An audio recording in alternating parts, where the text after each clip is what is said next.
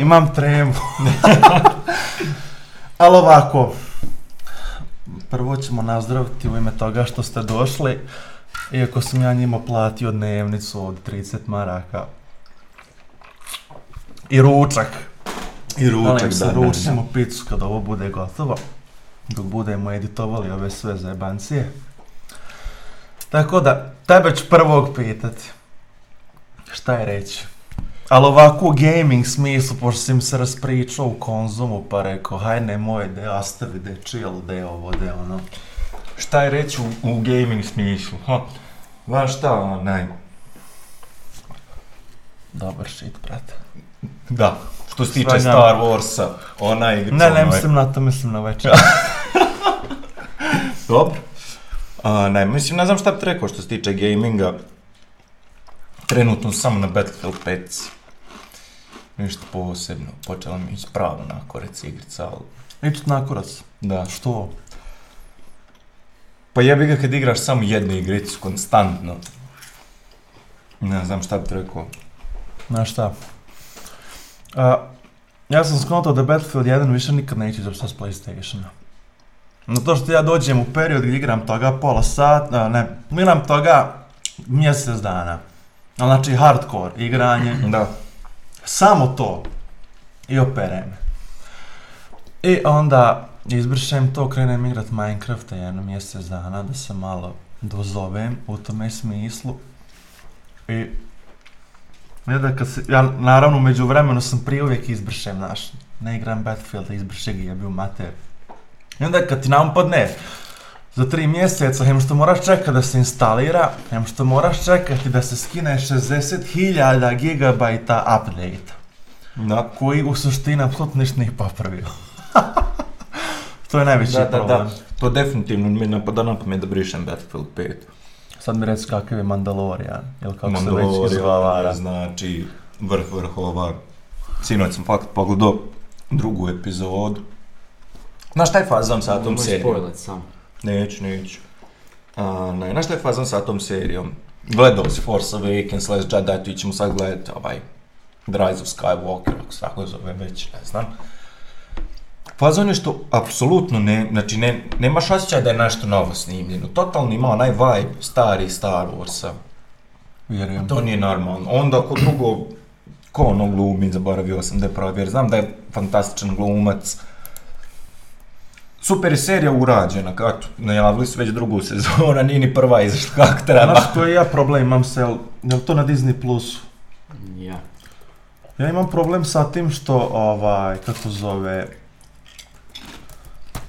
izgleda da kod nje nije fazon ko na Netflixu, da izađu odmah sve epizode, o- ono, izašla je prva, jel tako? Izašla je druga, juče. Znači, kad za koliko će treća izaći? Izlazi 22. E pa ja imam problem sa tim čovječe. Ja To znači da. satra se da skontam ko će ovaj... Znači ja ću gledat, pogledat Mandalorian kad izađu sve epizode.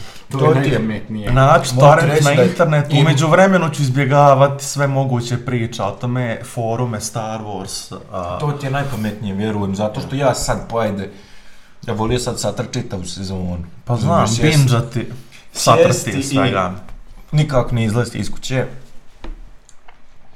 Međutim, meni se fakt sviđa serija, onaj, ne znam, znaš što govore, ona serija C, Jason Momoa. Da, kažu da je pravaš. Svi kažu da je, ja sam čuo da je predobra. serija. A, na Rotten Tomatoes nisu mogli dobiti goru ocjenu, nešto jesu. Na IMDb bio trenutno je prva na trendingu.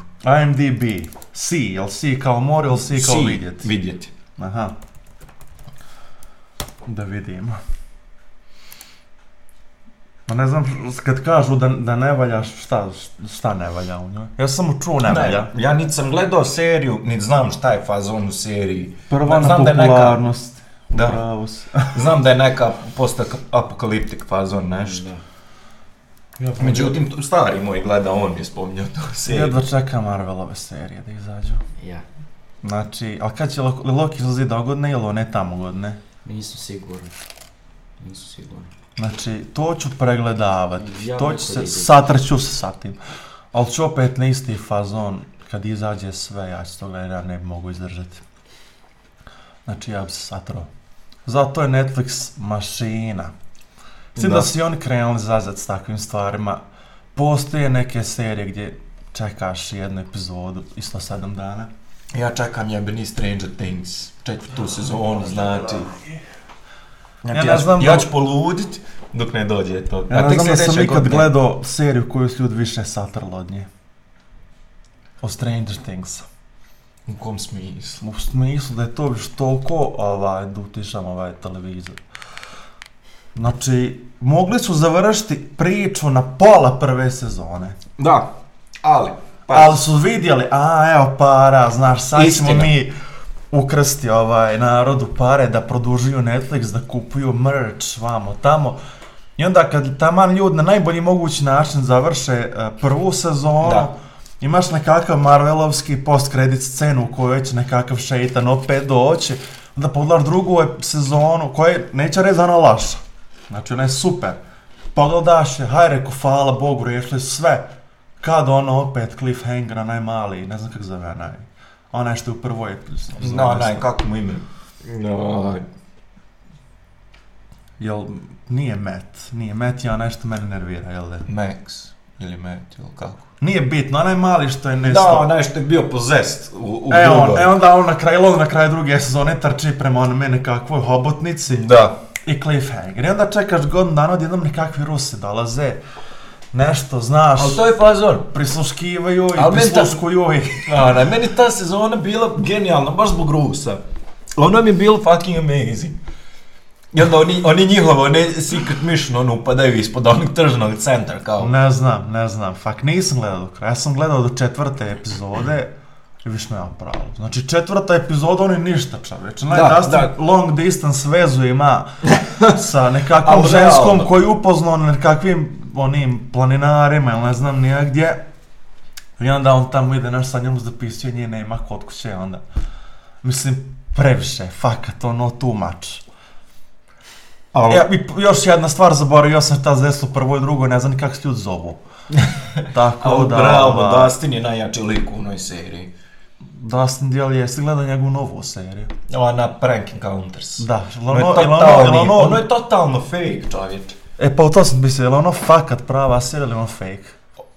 Oni ja ne znam, ja ne znam, ja ne znam ni o čemu se radi. Oni govore da je real, ono, da je fakat, međutim, ono, totalno ne izgleda To je na fazonu onoga pranked, punked, kako zvala na Na serija na fazon MTV-u. tactics. Ili ona, MTV što je vodio onaj punked, tako ne. Punked, onaj vodio onaj brat što je glumio dva i pol muškarca. Da. Ashton Kutcher, Kačer, kak se zove. Nakon dijela je na, da je na onaj fazon, ali ako je fake, ja to neću ne gledat. Ne, ja sam pogledao čitavu seriju, to jest ima jednu sezonu. Onako, svaka njima čast, predobro su radilo, no, produkcija je jebeno predobra. Predobre efekti van tamo, predobro su ljude maskirali. A Dustin je kao voditelj, jel? Da, međutim, to s koliko vidi da je fake, to nije normalno. Pogledat ću večeras, ali sutra. Mislim, ima ruk nasic, ima fakat smiješnih scena, baš presmiješnih scena. Mene, Ali- najveći mi problem je kad na Netflixu nađem seriju, meni se prvo sviđa estetika Netflixa, znaš. To definitivno, znači, Onaj ja ne moram thumbnail. ništa gledat. Ba, meni je Samo da bitno da upali Netflix scrolla, znači predobro. I onda kad on napucaju, na photoshopiriju nekakav tamo thumbnail, čovjek se bori protiv ne znam ni ja koga. I onda upalim tu seriju, to ništa ni sa čim, znači on je fake uh, viza za budućnost, level produkcija. I što je najgora stvar, podlaš pola sezone nju Netflix neće zaboraviti. Ona tebi stoji godinu dana dok ti nju ne pogledaš do kraja. Da. I onda sam skontao da uzmem premotam zadnju epizodu na kredici i izađem. Tako da sam skontao i to. S tim da mu treba jedno 5 dana da se smakne sa onoga continue watching, ali ide dobro. Ide dobro. Znaš šta, treba će mi jedan savjet. Šestoga kad odem u Sarajevo. Šesti, sedmi ili osmi imam jedan poslovni sastanak. Mm. Konto sebi Vraćaš se u stari grad. Svoj stari grad. Vraćam se u stari grad. Uvijek se osjećam, znaš ono. Kaj, sad meni, Srce stari tuče, ja čekam da idem sutra. Znaš šta, ja imam predobar osjećaj. Prvo sam tri godine tamo i onda ono kad vidim, Da. wow, super fancy. Druga stvar, ja sam se zakleo. Nikad u Sarajevu više otići neću, a da neću pojesti pola kile buređika u Bosni. I desetku sa dvije porcije kajmaka. Znači deset ćevapa i dvije porcije kajmaka, sad ću ti reći zašto dvije. Kad naručiš pet ćevapa i kažeš da im donesi kajmak, ona će donijeti, znaš koliko ugla sladoleda? Da. A kad naručiš deset i kažeš da im kajmak, ona će opet donijeti isto, koji za Da. pet. A međutim, to je malo. Znači, to je malo, to je premalo, mogle bi... kažete dvi, dvi kugle. Darko, daj mi dva kajmaka, šta? Uvijek je, šta? Al, bez dva kajmaka nekad mogu čak i tri proći, al... Znaš šta, ono, ja sam skonto, kad jedem ćevape kad luka imaš, ja pored sol stavljam bibera na njih. Znaš koliko, nisam nikad probao. znaš koliko budu bolji čaviće. Barem meni. Ja ne znam kako on to rade. To da ako je pola luka, on to izružno nekakve kocke, to bude kao ovaj kikiriki. Da. A fazon to bude slatko čoveče. Doslovno, ne znam, fakat ko da su i pošćeli. Tako sam bio s jednom gospođom, ovaj, zapravo neću ovo pričati, ovo, ovo bi bilo too much, ovo bi bilo preše. Ali ovo što sam te mislio pitati, a, nisam odavno sebi kupio nikakvu igru. I toliko mi je sad, znači, pun sam nekakvi ideja šta bi sebi kupio. I ono što dolazi u obzir, vi im recite šta bi na ovom mjestu. Prvo, ova nova Star Wars igra. Uh. Drugo, Uh, uh, uh. Borderlands 3. A, treće, što dolazi u obzir je onaj Bioshock Collection. Prvo jer je jeftiniji i dobiješ tri igre u njemu. Možda ovaj Spider-Man, Marvelov, Nisam vidio. ovaj Marvelov Spider-Man ili da kupim Crash Team Racing i naknadno u sljedeći možda 2-3 mjeseca još dva joystick da može četvoro ljudi igrati. I ono što me sad najviše privlači je Star Wars, ovaj novi, Da. međutim bojim se da igra previše slična Dark Souls. I ako to bude slučaj, ja sam bacio 130 maraka. A paz, mam, s druge strane imaš Bioshock koji je ono teško za odbiti, realno. Ali, znači, evo, na PlayStation Plus onaj Nioh, kako se već izgovara, ne znam.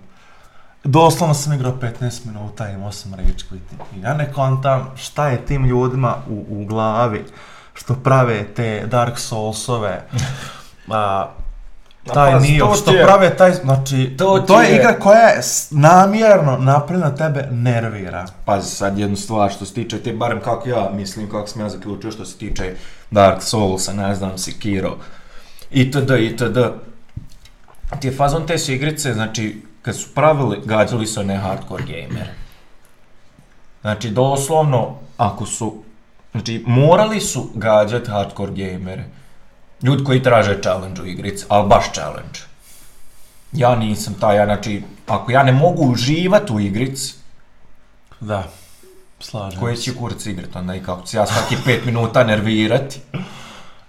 Ja ne znam je li Dark Souls ovako, imaš iskustvo s Dark Soulsom? Jako malo. Mislim, imam ja iskustva s Dark Soulsom tako što sam gledao drugi ljudi kako igraju, međutim ja Mene nervira kod igrica ako, na primjer, imaš jedan dio mape i imaš na njemu onaj, kak zove to Dark Souls, onaj vatra, campfire. Mm, da. To, Ne znam gdje, sejvaš igru. Ti to sejvaš i ok, sejvo si ideš dalje. I kad pogineš u igri. Igra te vrati na taj save, što je ok, međutim taj save je sat vremena bio prije i svi se mobovi respawnovali. Pazi, Ne znam što ljudi, znači ne mogu da vjerujem. pazi jednu stvar. Ne mogu sve. Ne samo da se, koliko ja znam, možda griješim, možda ovo sad što ja kažem bude totalna neistina. Međutim, koliko ja znam, koliko sam upućen u Dark Souls, bez obzira jesi ti poginuo ili ne, on će se respawnati. Znači kad se vratiš, Da. bez obzira. Ali nemaš mini mape čovječ, jel tako? Ne. Imaš ti u stvari, ja mislim, Jebi ga, ja sad upuštam priču gdje skroz malo znam, ali ja mislim da nema nikak, nikakve, znači minima peti kako god daš. Ma nema Međutim, da. moj najveći problem sa tom igricom je jebeno depresivno. Ja se, ja se te igrice bojim, znaš zašto? Ne znam zašto onega youtuber Ghost Robo. Poznato. Nije on toliko, možda ima milion. No možda ima i više, ne znam sada. On je igrao prvi Dark Souls kad je izašao za kompjuter, ne znam koja, možda 13. godina bila. Možda čak i ranije. Ja mislim da je ranije. Nije bitno, eto, ja znam da smo ja i Kadić smo tada, ono, Da. bil, o, o, srednja škola i mi smo njega fakat gledali. Možda sam bio prvi razred, eto, to je bilo prije 7-8 godina. Nije sad ni bitno. I on je onako, koja god igrica izađe, on ju pređe. Znači, izašao je tad, ne znam, ja, Borderlands 2, on ono, part 1, part 2, Da, do, da, do, do 10, 15, on je nju prešao. On je za Dark Souls imao 70 dijelova. Gameplay koji je trajali između pola sata i sat vremena. Znaš šta mene interesuje? Može li taj igrici kako preći? E pa znaš šta je problem? Ja kad god upališ prvi video njegov, tu prvu epizodu, i 64. čovjek je na istom dijelu mape. E to je meni problem. Bori se s istim čovjekom, ima isto se oružje i to- sve Jel se izgleda ta isto. igrica može preći? Ne znam. Kakav je endgame, endgame tu? Šta Ne se znam, desi na Bog kraju? te, Ima ne znam. kraj. Ne znam. Zato se ja bojim kupiti ovaj Star Wars. Prvo što je fakat skupo, igrice su preskupe, realno. Pazi, ti imaš do ja se nadam da je to ko God of War. Aj ovako, ajme poslušaj. Ako već si toliko zagrijan za tu igricu, ti imaš do šestog, osmog, kojeg već nebitno. Imaš dovoljno vremena da iščačkaš iz interneta sve živo o toj igrici. Ne želim je spoilat sebi. Ne, reviewove da izvučeš. Znači Redditi, 4chanovi, pičke materne. 4chanove, da, da, da. Mislim, svi znamo zašto ja koristim 4chan. zašto je on najbolja stranca na svijetu? Znaš ti koliko ljudi najavilo school shooting na 4chan? Koliko... ne znam sad, ovo, ovo bi Mirza mogao bolje ispričati. Pozdrav za Mirza, da. Pozdrav za Mirzu, ovaj, I Ivana koji je posudio ovaj mikrofon, svaka čast. Neki je lik, to sme možda čak i na YouTube, možda nisu mi ni on rekli. Nekakav je lik tražio nekakve recepte. No, no. Ne znam zašto mu je to nešto, trebalo. nešto poznato. Recept nije za hranu, nego neku je smjesu treba. Treba je napraviti one, one lampe lava, pičke materne. Ne, jel da? moguće. Pa I onda si- su mu ljudi rekli da napravi nešto i ti su ga dimovi ubili. Da, doslovno. da, da, znam to. Il- Ili je eksplodirao u WC-u, nešto. Da, znaš što je, znam to. to znam. Znači, brutalno sve. Znači, ono 4chan. Ja mislim da... Trebaš namući kondom na sebi, onda upao 4chan. Ja mislim da, da, da je prosjek u 4 da je tamo svaki treći doktor, u- da je tamo svaki treći čovjek doktor nauka. Jer ljudi imaju mišljenja, znači, to su jednom, na primjer, čudno je kada ideš na, neku, na neki porno, ovaj, thread. I sad hajmo reći da, su, da, se, da se radi o plavušama.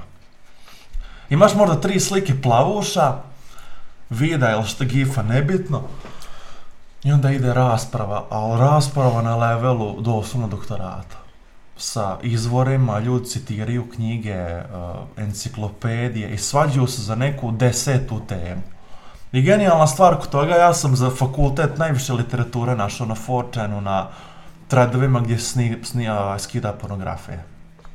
Znači, od na 4chan na onaj, um, kako zove, mislim da je torrent, tako zove onaj neki njihov thread i listaj. Uglavnom je 99% je pornografije na tome. I imaš jednog brata koji svako malo objavi link gdje imaš 500 GB knjiga. I kad to otvoriš, to je znači u sve jednom, a, znači nema tematike u kojoj ljudi nisu zašli u tim knjigama. Tako da sam ja ovaj, to sam jednom skinuo, prebacio profesoricu na stik. Ona me pitala s koje je ovo stranca, ja sam morao izmišljat kako sam ja to neke američke stranice, to nešto preposebno, znaš, nisam smio reći. A, ali Fortune je zlato, mi. Fortune je mašina. Paz, nikad nisam ja, ono, ja sam više bio Reddit guy. Ja Reddit ne kontam. Nema se tu šta kontati. Ali Reddit mi je nekako vanila Fortune. N- Ne, nekako ne, totalno jes vanila 4chan. Forčan je onako hardcore totalni. Nema li na 4chan, na Redditu 18 plus sadržaja? Ima. Jel, Ima. jel to, koliko je zastupljen? Pa sad da znam koliko je zastupljen, fakat ne znam. Al, Jer, na primjer, kad odeš na 4chan, ima, jer ćeš na Redditu onaj uvijek naći ono exposed youtuber, neki ženski, ono Patreon, onaj čitav izbacen njen, onaj što- Onaj, TikTok, Pa fazon, da, lik. ono, OnlyFans i tako te stvari. Ali fazon je što je na 4chanu pornografija ušla u svaku poru tamo. I obratno. Ti, na primjer, odeš na thread o autima, jednom thread ljudi raspravljaju o novom Audiju, u drugom pričaju o onim oldtimerima, a treći je, ovaj, treći thread je, na primjer, Golf dvica, četvrti je top 10 najseksi plavuša na svijetu, onda thread 5 je Mustang, Ford, Shelby i tako to.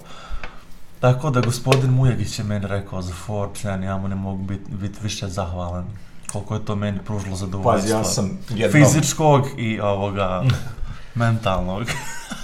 Ja sam jednom, slagat ću te jednom ili dva puta palio 4chan.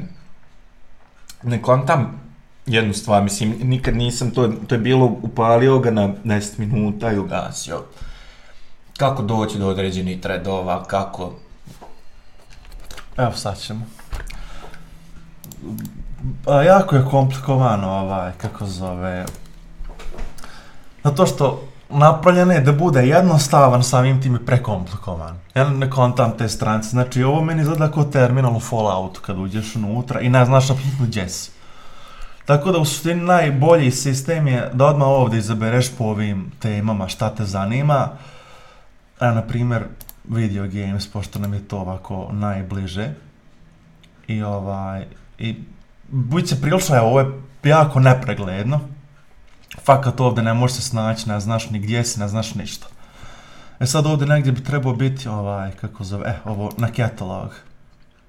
I ovdje će ti biti poredano po, ne znam sad, evo, Aha. i ovdje kad klikneš ovo je svaka tema o kojoj ljudi pričaju trenutno. Tako da evo vidio sam negdje ovaj, evo, priči o novom Star Warsu igrici Da, da, tako. da. Tako da ono treba malo iskustvo dok se uhodaš u 4chan, ali ovaj, veoma jednostavan kad, kad malo se uhodaš u to. E sad rekao sam da imaš jedno pitanje za mene. Aha, mislio sam ti pitati, Ja se pošto ovoga bojim. ni, nemaš čega bojati, ovo je totalno ono pitanje koje ćeš ti, ja mislim, skroz kratko odgovoriti na njega, međutim nema veze. A, ne, pošto se vas da spominje Joe Rogan, vam tamo, njegov podcast, onda Podbean od onoga brata što trenira, vadi pištolj iz gaća, puca, to. Uh, Pat Mac, The University of Badassery. E, itd, itd. Da li si gledao H3? I šta misliš o njemu to? Ja sam gledao, ili on Ethan se zove? Da. I kako se žena zove? E, nemam pojma. Ethan, ima neko čudno, on židov, jel le? Mhm. Genijalan podcast. Jel da? Genijalan podcast, samo što, ja imam problem kod podcasta općenito što ako, oni su uglavnom dugi.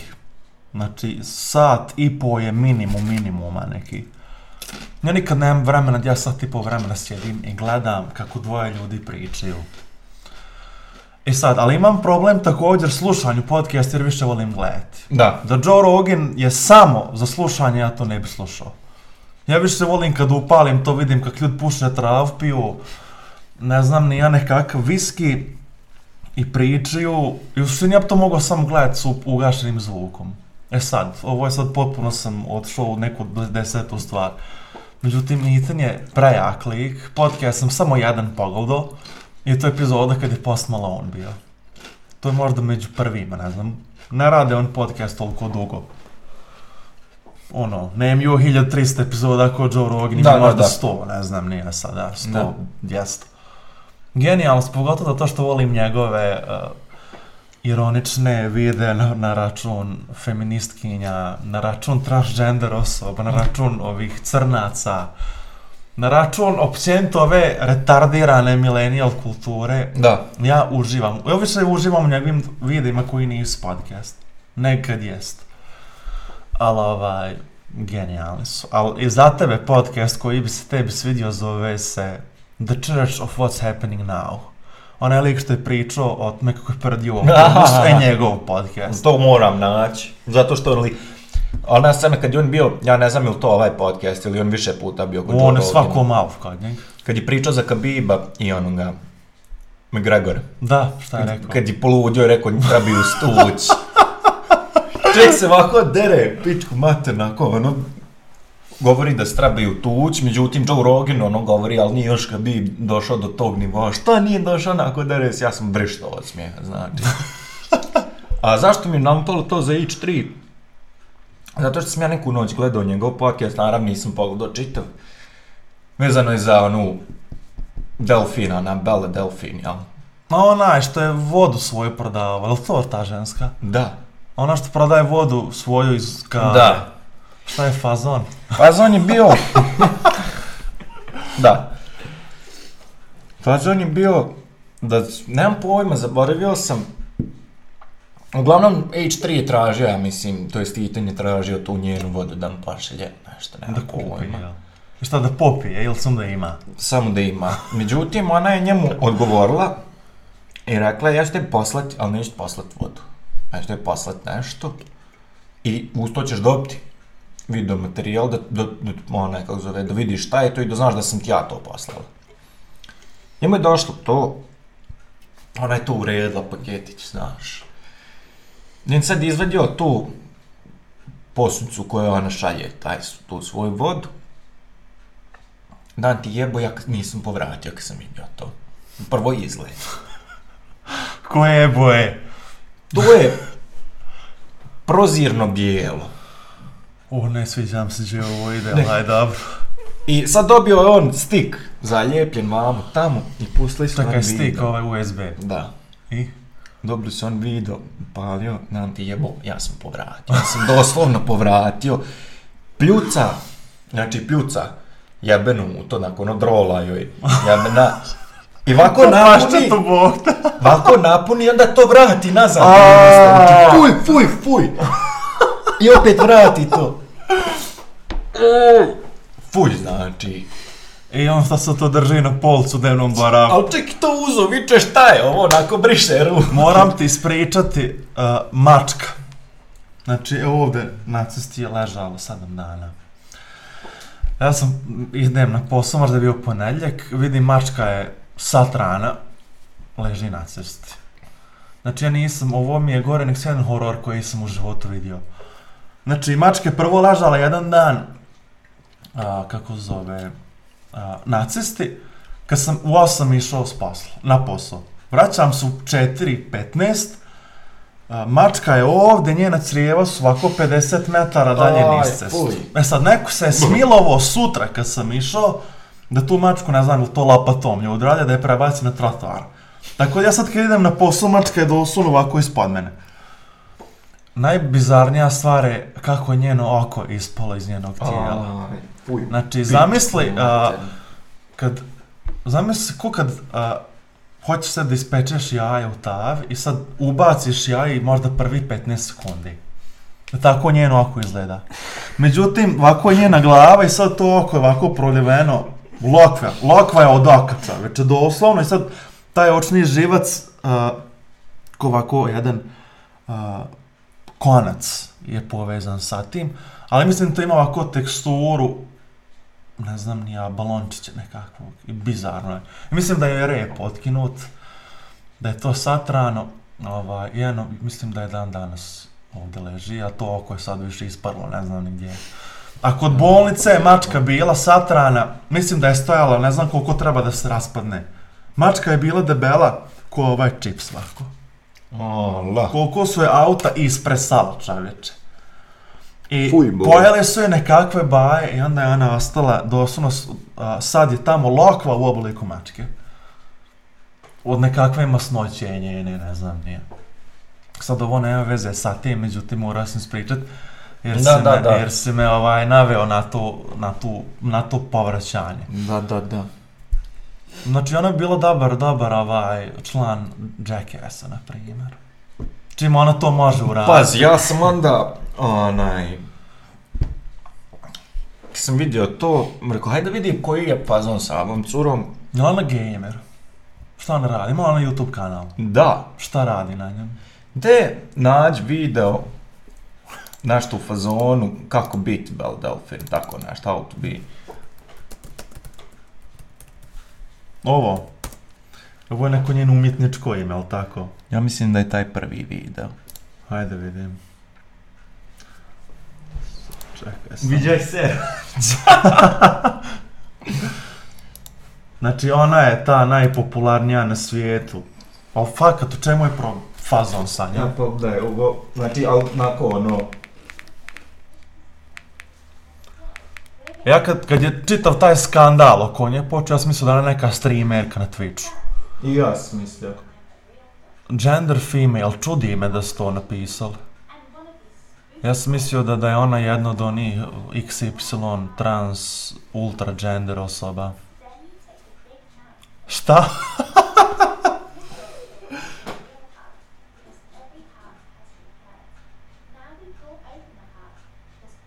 Čekaj, ono piletina. Da, ono- bo- Fuj, čovječe, boži.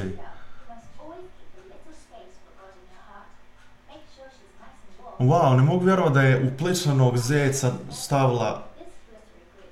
Ono šljokice? Evil fuckboys from breaking your heart. Ali ne mogu da vjerujem svega.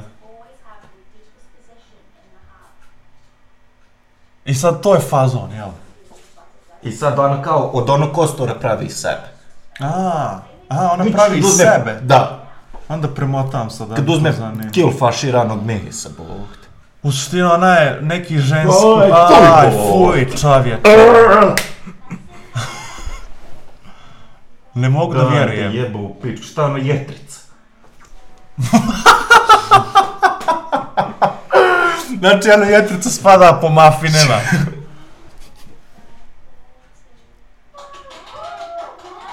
Daj, vježi bog. Ali ona je meni slična onoj Popi. Znaš, po, Da, ona je snimila ali album, Poppy- čovječ. Ali Pop je bila jebeno genijalna. Ali ti skontao da je ona snimila metal album. Nemoj za. Popi, stičuo za to. Ne. Sam da Ali Popi je bila genijalna.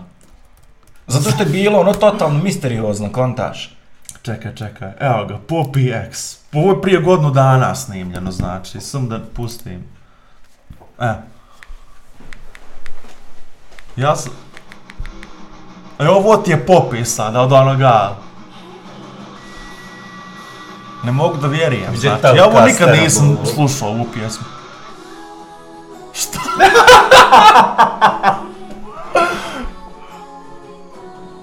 ovo cover. Ovo je melodija toliko po- Da. poznat. A mislim sad biti neki twist da će se opet vrat na metal. Ali ona je meni genijalna čovječe. Ona nije bolesna ko ova.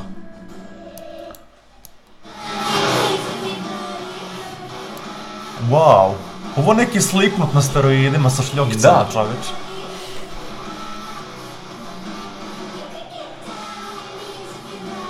Catchy, You can get down on your knees if you're naughty. Znači ovo je, ovo je family friendly podcast, nećemo ovo pustiti ove nemoralne vide. Da. Brutalno. E ovo bi trebao malo se uput ove njene muzike. Ovo mi djeluje kao neki, njeni prog čovječ. Da, ako ćemo tako gledati. Da, ako je prog definicija, da imaš clean, da imaš malo, znaš, rokače. Genijalno, evo sad da mi po miliona prelaza za godinu dana. Svaka čašćina što svaka, znaš, Da, da, što da. gospodin Naći je rekao. E sad plan je njega dove za desetu epizodu. Pošto bi to bila neka mini jubilarna epizoda, tako. To gospodina da, da održi govor o jedenju luka. I od me kako možeš past tu nesvijesta od njega. Da, da, da. Tri, tri tanjera graha, ali tri tanjera graha da su ono preljeva. Da, da, da. I kilu feferona ljuti. Kilu fefer, ali sva sreća da nije bila više. Da, inače bi on pojeo više. Inače ne bi imao, imao gdje ići na kafu, bio čovjek meretov. Da. I vidio sam njegov auto danas ispred Binga parkirano, nepropisno. Ali ono, neka, on može Ali dobro, to Aći. to.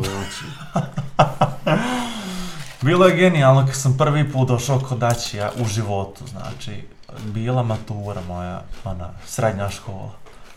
I mi smo, a, znači, Svarog, odnosno Hotel Park Svarog, Hako, Hako, onda smo ja Mir zasjedli u centru, pola sata, nigdje nikoga. Doslovno, kod da si ušao u onaj Silent Hill.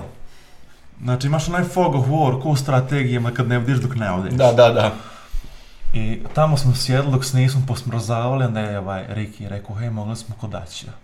Mene je presjeklo čovječe, kakav crni Ači, bog te, ja ne znam ni kakva je to kafana. Ja, ja sam mislio da je to level 35 znači, da ću ja sad ustam, da će me pretresat, da će biti izranjavan, da ću ovo, da ću ono. Međutim, od kako tad, tako i dan danas. Mašina, svega mi. Definitivno. I ja mislim da bi bilo, bilo loše da se onaj kafić ili proširi. Jer ono ima čar da bude Da. onako kakvo jest.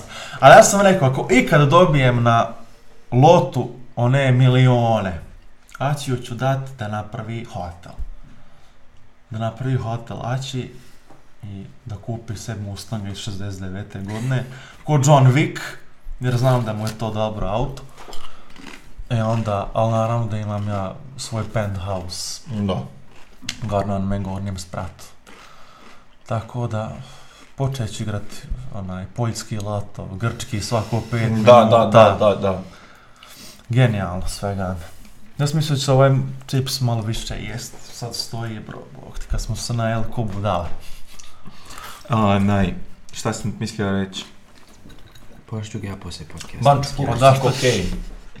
Bunch of hookers and cocaine, but... Al, meni je generalno kako Amerikanci od svega naprave show. Znači čovjek je rekao bunch of hookers and cocaine i sutra je njegova žena u emisiji i on je na emisiji i to gledaju ljudi. Da. Tamo je znači, mislim da je Amerika jedan veliki Big Brother. Jer gdje skontaj, kad kažem Big Brother ne mislim u smislu knjige, nego, gdje ti skontaj, 75% smiješnih onih funny home videos, failova, sudara, nacist dolazi iz Amerike. Da. Znači, mislim da tamo 60-70% ljudi ima non stop neku kameru koja je priključena i snima sve. Jer kako je moguće čovječe da ti svako, a, da ne znam ja, ne znam kako bi ovo, najjači fail video koji se spontano dešavaju, najsmiješniji ti bunch of hookers and cocaine, to je sve u jebenoj Americi čovječe. Zato što se non stop snima i nije ni problem. Jer kad bi se kod nas non stop snimalo, isto bi bilo i materijala da se prave emisije, da se prave zanimljivi videi, da se prave nekakvi tamo failovi, fail army, genijalno. Ali volio bi otići u Ameriku više nek najesti se sejne janjetine iz ljusine. Znaš kako, sejna janjetina je najbolja stvar na svijetu. Da, šta je? Sjećam se kad sam bio manji, ideš u Banja Luku. I znaš, u povrat kuće janjetina.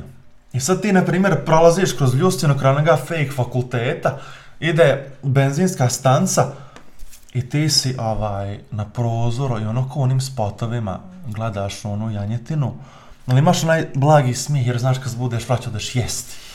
I to je genijalno. I naj, naj, najdraži uh, koncept kod jedenja janjetine je kad uzmeš mladi luk, umačeš ga kod divljak.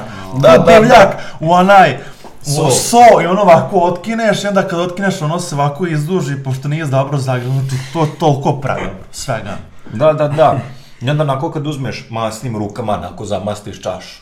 A mobitel ti bude masan da jedno sedam dana, to Da. tebi ispada ko sapun. I smrdi, to jest, izvini, Mirše. mirše.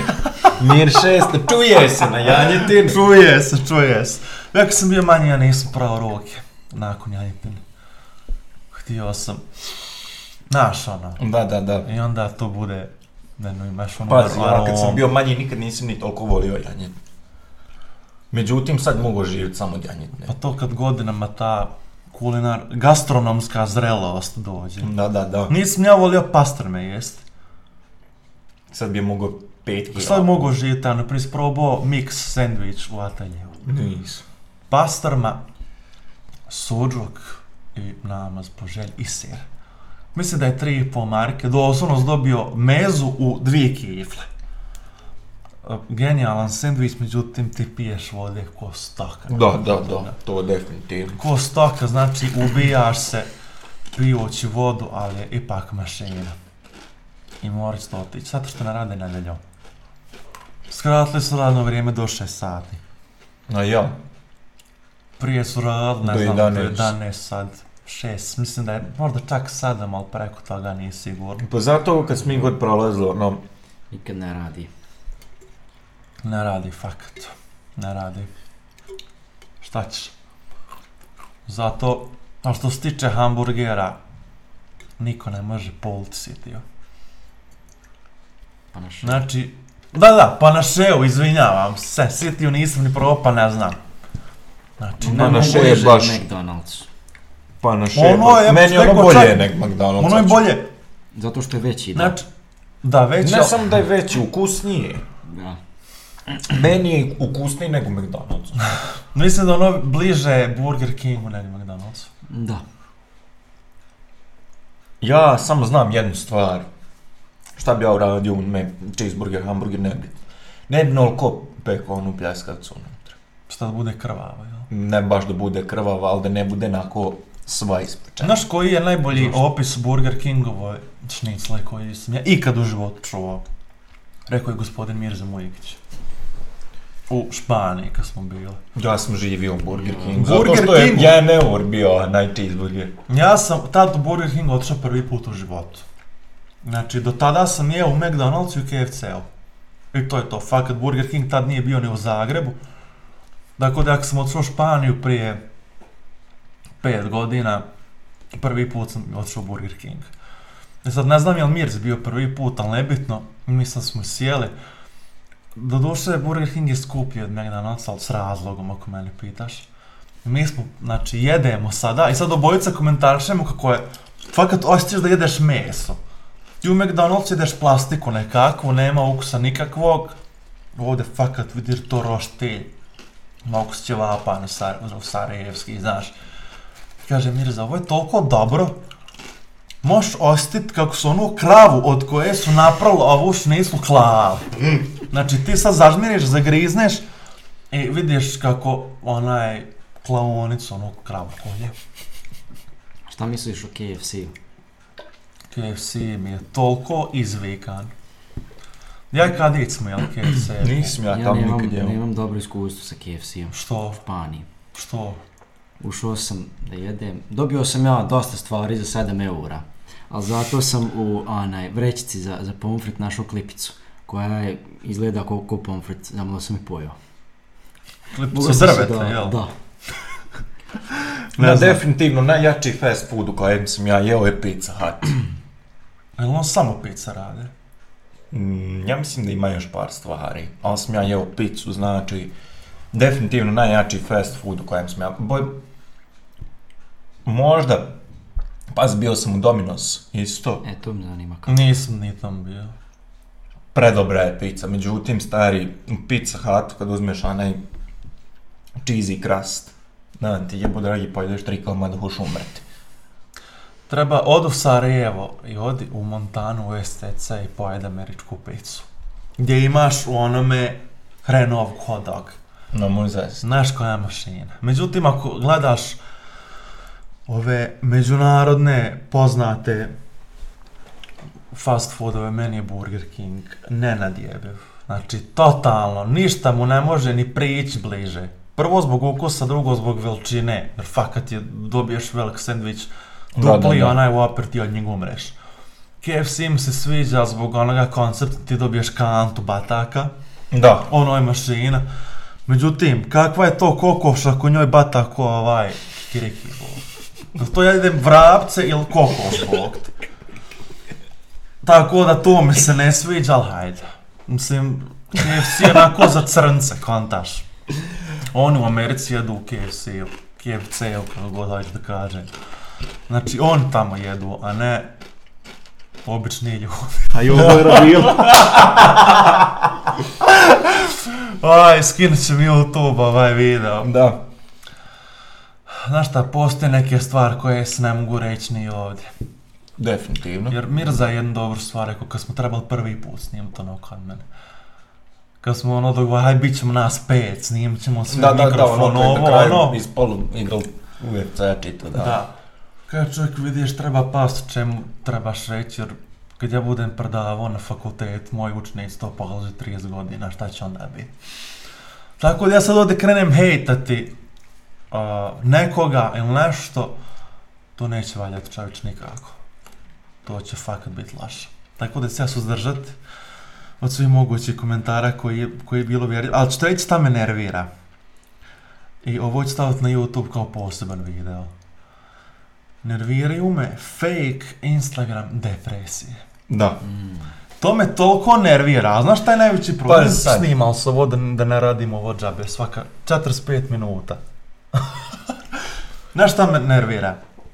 Fake Instagram depresije i fake Instagram a, mental breakdowns. I što rade, pa to rade djeca od 18 do 27-8 godina i 75% toga su žene. Ne to skontaj. Najtoksičnija uh, stranica na internetu je Instagram ponedeljkom. Kad na storiji se svi žale, joj bože dragi, sad je 10 sati, nije ni podne, ja sam već imala četiri mentalna breakdowna, imao sam četiri dnevna slama, histerišem, naveče, ponedjeljak je, ali ću čitav, i ovaj, nemam para, ta mama i tata mi plaćaju, znaš, sve živo, ali ja ništa povodom toga neću raditi, neću sebi platiti Netflix, gledat ću serije, gledat ću Stranger Things, gledat ću ne znam ni ja ovo ono, i otiću na kafu i ovaj, tako malo svarog, znaš, do 2 do 3 ujutro, i onda, kako zove, i onda kad dođe ovako novembar, ispiti, a joj bože, imam sad da mi ispita, moram napisati 16 doktorata, znaš, za dva dana, nemam vremena, ne razumiju me profesor nikako, a ti svjesno, znači, svoj život potkopavaš, tako što ležiš, samo je, znači, mobitel i daljinski, ili joystick, Netflix, PlayStation, imaš 76.000 kila, žališ se o tome kako si uh, izvan forme, ali ništa povodom toga ne radiš. Jer evo, ja sam na primjer bio isto to. S tim da se ja nikad nisam žalio na Instagramu kako je meni teško, kako je mene nešto u životu pere. Ali ja sam skonto, ja završim s poslom u četiri, prva stvar koju ću otići, ostavit ću, skinut ću se, obući neke pokućne majice, joystick igram igrica. Onda ću zaspati, onda ću se probuti, igrati igrica, krenuti, leći i onda ne mogu spavat do 3 ujutro. Sutra sam mrtav i to je ciklus kojeg ti ne možeš pobjeći nikako, šta već. Tako da sam ja zbog toga ušao u teretanu. Ne zato što ja sad nešto kao hoću da ja bi, znaš, da se nabildavam, da budem strongman. Nije me za tim kontaš. Da. Nek puno mi je draže kad ja odem, završim s poslom u četiri, budem u teretani do šest, onda ja nemam više ni živaca da igram igrica, čević. Nemam živaca da budem na Instagram, nemam živaca ni za šta. Da, da, Ali osjećam se fizički super. Tako da, to me toliko nervira, pogotovo ljudi, znači, studiraš, pa ovo, studiraš u Sarajevu, imaš 20 godina, studiraš u Sarajevu i tvoji roditelji tebi šalju pare. Znači, okej, studirati u Sarajevu ili bilo gdje, znači da se iscazi na studiraču Bihaću, to je velik, to, to je velik trašak. Da. Treba platiti kiriju, treba dati za džeparac da imaš, da kupiš sebi knjige, Hranu. hranu, da, da izađeš na kafu, sve to. A tvoji roditelji e, naporno i teško rade da bi to svoje djeci omogućili. I onda tako jedno nezahvalno dijete kojem su roditelji ginu da bi moglo studirati, napiše na Instagram story ovako crna pozadina i bijela slava, samo to. Ko ste vi da vi meni govorite šta će raditi sa svojim parama? Kojim tvojim parama, Bog?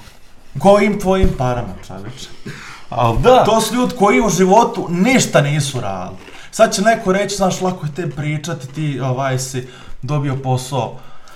Da nije bila situacija kakva je sa mnom u životu. Znači, da ja ne radim u optici gdje radim. Ja bi kopao kanale. Za pare, ali ne bi sje- sjedio u kući čoveče. Ono je stari, ja ću leći sada ovdje ispod ovoga stola i namistići Netflix, pogotovo ove gluposti, ono nešto ogledalo pa da mobitel može držati, znaš ne gluposti, one nekakve naučale što da, ovako da, da. snimaju. i ništa znači, ništa. Ali ti si znači na storiju glavni, odnosno glavna jer ovo uglavnom žene rade. Ovaj, ja to ne kontam nikad. Znači. Sad moram opet, evo, spominjem opet Mirzu. Znaš što, baš onako... Što on rekao sinoć kad smo bili vani, kaže... Znate li ko je kriv za ovu današnju fake depresiju, tinejdžersku depresiju, meni čini da je tako rekao. Eddie Vedder. Zašto? Aj, sve skontaj malo. Definitivno se slažem sa njim, zato što primijete Eddie Veddera na intervjuima. Čovjek ima para pun kurac. Uzmo u obzir da on još uvijek živ. Nije se drogirao. Da. Znači, imao je sve živo. Pro, albumi se prodavali u pičku mater. I on dođe na intervju. A ja, meni teško vam tamo. A ne pogledaj Lane Staley-a. Robin Williams. Kurt Cobain, itd., itd. Ljudi, smijali se. Da, znam. Ovdje se smija, kod kuće repetira sačmart, puca se u glavu. Ne, razumijem što A, hoćeš I onda dođeš, razumiješ, ja sam depresivan, ja to moram staviti na story, kurac ti moj depresivan, željen s pažnje. Ja be ne pažnje, da ljudi dođu kao kako te men žao stari. Jel treba pomoć?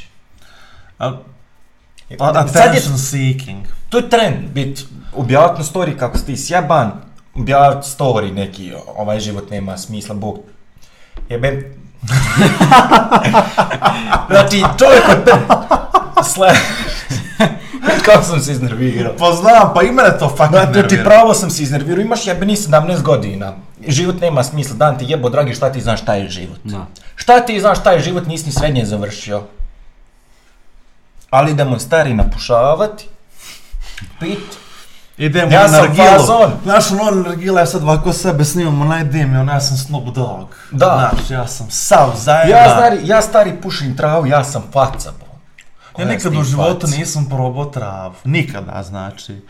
Bio sam u prilici sto hiljada puta, po nekakvim rođendanima, novim godinama, znaš kako to ide, rančevi, hajde trava i ubiše se lju.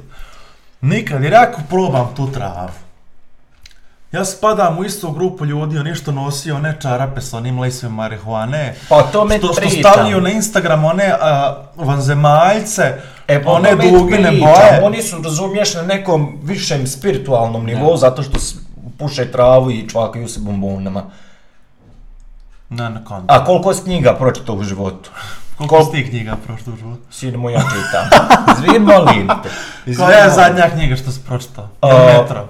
Ne, Ili sad Witcher? čitam, sad čitam Metro. Witcher. Witcher sam pročitao davno. I pročitit ću ga Je li to opet. prequel igricama? Uh, Witcher prvi dio nema nikakve veze sa ostalim dijelom, a što se tiče knjige. Witcher prvi kao igrica. Prvi, prv, ne znam za igrice, ja govorim za knjige. Prva ne, ne, knjiga mene nema da veze sa koji je odnos igrice i filma. Ne znam. Jer ja sam konto uzet Witcher 3 sebi. Da Igricu? Da. Ali ja sam je konto, nisam prva dva dijela igrao i pojma nemam story, ne znam. A nemam nigdje, nigdje igrati, nemam dovoljno jak kompjuter da to nema ih na četvorci. Tako da sam u dilemi, zato što Witcher 3 je sličan Assassin's Creed Odyssey-u, odnosno obrnuto. Meni, mislim, svi će reći kako je to predobra igrica, meni nije nešto. Witcher, jel? Da. Što? Šta ja znam? Nisam se nikako uspio uživiti u igricu. Ali nikako. igrao treći dio. Da, a imam ga još uvijek na kompjuter, Na znači... kompjuter. Ja imam osjećaj da... Uzao Maxus joystick zbog te igrice. Ja imam osjećaj da je priča te igrice poprilično dosadna. A što si toliko priča. zbog serije? Priča, Serija serija će ići po knjigama, baš po po knjigama. knjizi. Aha, A, Dobro. onaj... Priča uopšte nije dosadna Witcher 3. Apsolutno nikako nije priča dosadna, međutim, meni igrica dok sam ja igrao nikako nije dozvolila da se ja pravo uživim u nju. ja, meni, ja mislim da je to fakat i fazon te igrice, ne znam zašto nije uspjelo na tebi. Ne znam ni ja. Jer ti... I ona, Arbi- ona je meni brzo dosadila. Ja u početku kad sam krenuo stari, ja kad sam vidio visuals, onaj, smernam do grafike, pičke materne. Znači, zaljubio se iste sekunde. Međutim, ja što sam više igrao tu igru, sam je više i više Znaš, na preporučujem, ovako, preporučujem da skineš sebe Assassin's Creed Odyssey. Razmišljao sam. To je igrica, ja sam uložio u nju oko 70 ili 80 sati. a, ima možda 70 a, posto on achievementa na, na, na Playstationu i krenuo sam da 100%, međutim fakat igra ogromna. I u tih ne znam koliko sam sad tačno sati mogu provjeriti negdje, ja sam doslovno imao, ta mi je igra bila portal u, drugi život. Ja sam, kad sam igrao tu, ja sam bio taj čovjek, čovječe. To I, za- meni I zato, me, ja i zato imam dojam da je Witcher jako sličan tome i volio bi ga probati. E To- sad, kako zove, ovaj... Ista je stvar sa Falloutom. Znači, Fallout, Isto igricu koju si ja nisam mogu uživiti. što, koji Fallout? Četvorka ili trica? Uh, New Vegas. sam, ne, New Vegas sam igrao, nisam se uspio uživiti. Tricu sam igrao, nema šanse. I sad četvorku skinem. Nije to da ja igram pol sati, u ja igram 4-5 sati. Nakon sat vremena to postane patnja. Doslovno. probao sa Skyrimom? Ni sa Ska- e, Skyrim, paz, Baš shutdownuješ čovjek. izvini. Šta je problem sa Skyrimom? Nije ništa problem sa Skyrimom. Jesi Skyrim je jedna od najboljih igrica na svijetu. Pa svi Za kažu, za svi kažu. Ja sam u srednjoj školi imao fazon hejtanja RPG igara. Jer znaš ko je mene uvukao u taj svijet Kadić? On je meni prvi rekao, brate, moraš igrat Fallout. Ja nikad do tada nisam čuo za Fallout. Pogledao i3 prezentaciju Fallouta, gledaj mašine, ono, RPG, leveli, puške. Volim post-apokaliptične igre. Ja instaliram Fallout 3. I ne znam jesi li ga igrao, ali kad izađeš iz Volta, onoga na početku imaš uh, Megaton grad prvi. I tu u suštini, ono, tu fakat počinje igra. Sve prije toga je bio kao tutorial te uči puca da te uči ovo, ono. I kad uđeš u taj grad, tek tad počinje igra u smislu, ha, uzmaš questove, sve živo radiš. I ja do dana današnjeg nisam prešao možda, došao sam u taj grad, odradio jedan ili dva questa i to je to. Onda sam rekao, hajde New Vegas je novi za godinu dana, izašao je godinu dana, možda čak i dvije naknadno, hajde krenem to. I tad me je toliko pralo taj koncept gdje ja moram, u suštini Fallout i, je uh, jednolično ti dadnu quest, odeš na jedno mjesto, ubiješ puno ljudi, vratiš da ga predaš, to je to. Ili odeš po neku stvar, doneseš tom Da. liku i to je to. To mene tad fakat je nerviralo. Međutim, kad je izašao Fallout 4, kad je bila prezentacija, kad su ljudi napravili, kad možeš praviti svoje kampove, uh, loot, uh, kraftati oružje, sad sam rekao, ha, predobro. Međutim, ja tad nisam u kompjuter da ja to pokrenem. Jedna od prvih igara koju sam uzao za Playstation je Fallout 4. Prešao sam je jednom, još uvijek mi smetio ti jednolični questov, haj od pokup ovo, radi, vrati se ovo, znaš kako to već hoda. Međutim, kad ti dođeš do nekog 35. 40. levela, kad ti otključaš razne, a, ne znam ni ja, levele ili razne stvari i razne mogućnosti koje možeš craftati, to totalno postane druga igra. Pogotovo Bethesda igrice toliko su uložene u priču i toliko su uložene u tu neku slojevitost, za svaka tvoja rečenica ima utjecaj na to kako će igra završiti. I to mi se toliko sviđa jer ima ogroman replay value Da. da ja sad pređem jednom jer prešao sam prvi put, odradio sam zadnji quest kad trebaš raditi, možeš ga uraditi sa jednom od četiri factions. Ja sam uradio sa Brotherhood of Steel. Sad prelazim opet, sad ću raditi neki drugi fazon. Onda ću treći put kad budem prelazio, preći na neki tamo deseti način. Tako da replay, replay value je odličan. Plus craftanje svojih baza, oružja i traganje za tim stvarima, materijalom, lootom je meni genijalan.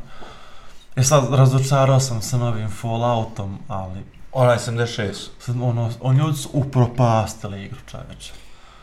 Ali ono, ne veze, mislim da će se skupiti sa Fallout 5 jednog dana, za jedno dvije, tri godine predviđam da će to biti. Mislim da će to biti to. I naravno grafika u, Fallout je, u Falloutu i Bethesdim igricama je dno dna. Doslovno je dno dna jer ljudi toliko su uloženi u story da ne, nemaju kapacitete da napravi taj igrić izgleda dobro. Tako da kad bi sad pustio video iz Fallouta 34, ja te ne bi znao reći koja Da. je razlika. Isti problem imam i sa...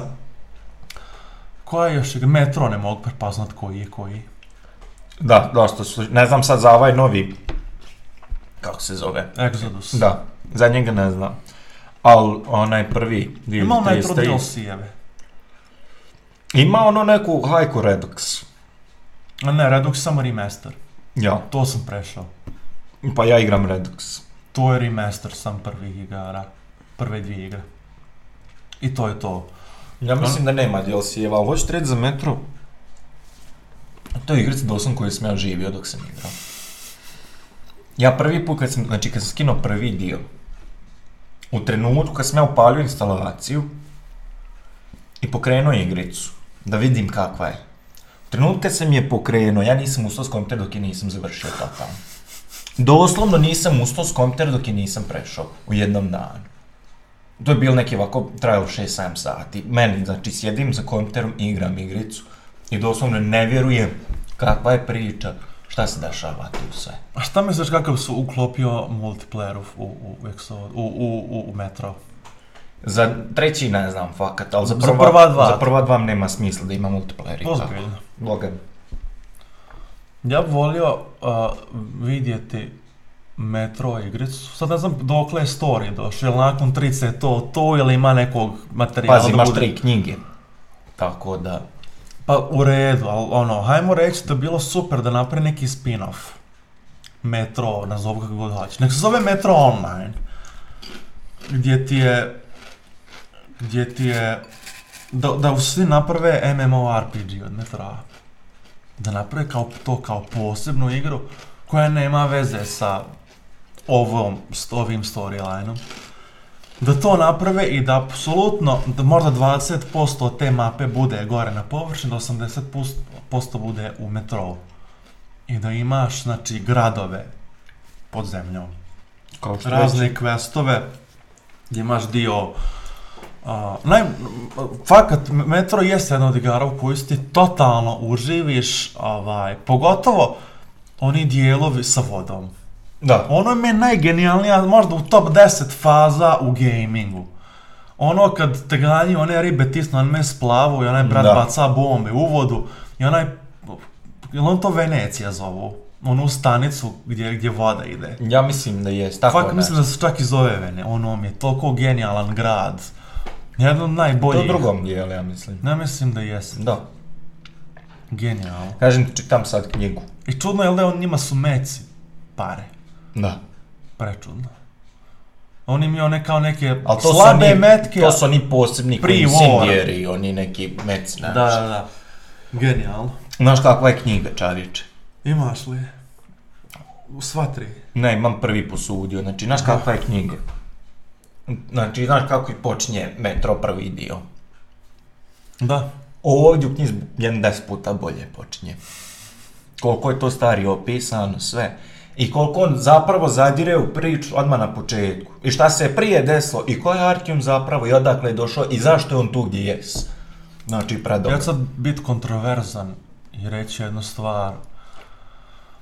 Ali knjige u odnosu na filmove ili igre, ja ću u 90% slučajeva reći da je film bolji od knjige. U ovome modernom vremenu, kad ljudi nemaju vremena ni za šta. Jer paz ovo, ja znam da će ljudi reći, ovaj, uh, kad na primjer porede Harry Pottera, knjige Harry Potter film, ja nisam upućen ni u knjigi ni u film, ja sad samo citiram što drugi ljudi kažu. Svi će reći, a joj jebeš brate ovaj, film, knjiga, znaš, to je detaljno opisano. Harry vamo, nije izgleda, znaš, u filmu izgleda ovako, u knjizi izgleda ovako, Dumbledore je u filmu nije bio takav kao u knjizi, znaš, tako te nebuloze. Međutim, ko u 21. vijeku ima vremena da pročita 50.000 Harry Potter knjiga, čovječ. Ja ne bi imao vremena da pogledam te filmove, a kamo da to čitam. Iako će čitanje knjige jedinu stvar koju će mi donijeti pozitivnu u odnos gledanje film, gdje možda malo detaljnije uđem u taj svijet. To je to. Tako da ako mene pita šta je bolje, bolje knjiga ili film, ja ću reći ako se radi o nekim a, činjenicama. Znači, bolje je pročitati knjigu u drugom svjetskom ratu nek pogledat dokumentarac. Da. Ali ako ću ja sad Harry Pottera čitati da bi ja sad znao malo bolje kako je Dumbledore izgledao, jel mu brada bila do ovdje ili do ovdje, onda ono give me a break, čovječe bože. Na, na primjer, Kum. Knjiga, evo je ovdje. Knjiga, ne znam nijako, ima 300-400 stranica, nije ni bitno, pročitao sam je jedan i pol put. Jednom fakat za 5-6 dana, drugi put sam krenuo apralo me. Film sam pogledao 10 puta, minimalno 10 puta i mogu bi recitirati svaku, svaki citat iz filma. Igricu sam prešao dva puta. Film je bolji šez- 60.000 puta od knjige. 60.000 puta od knjige.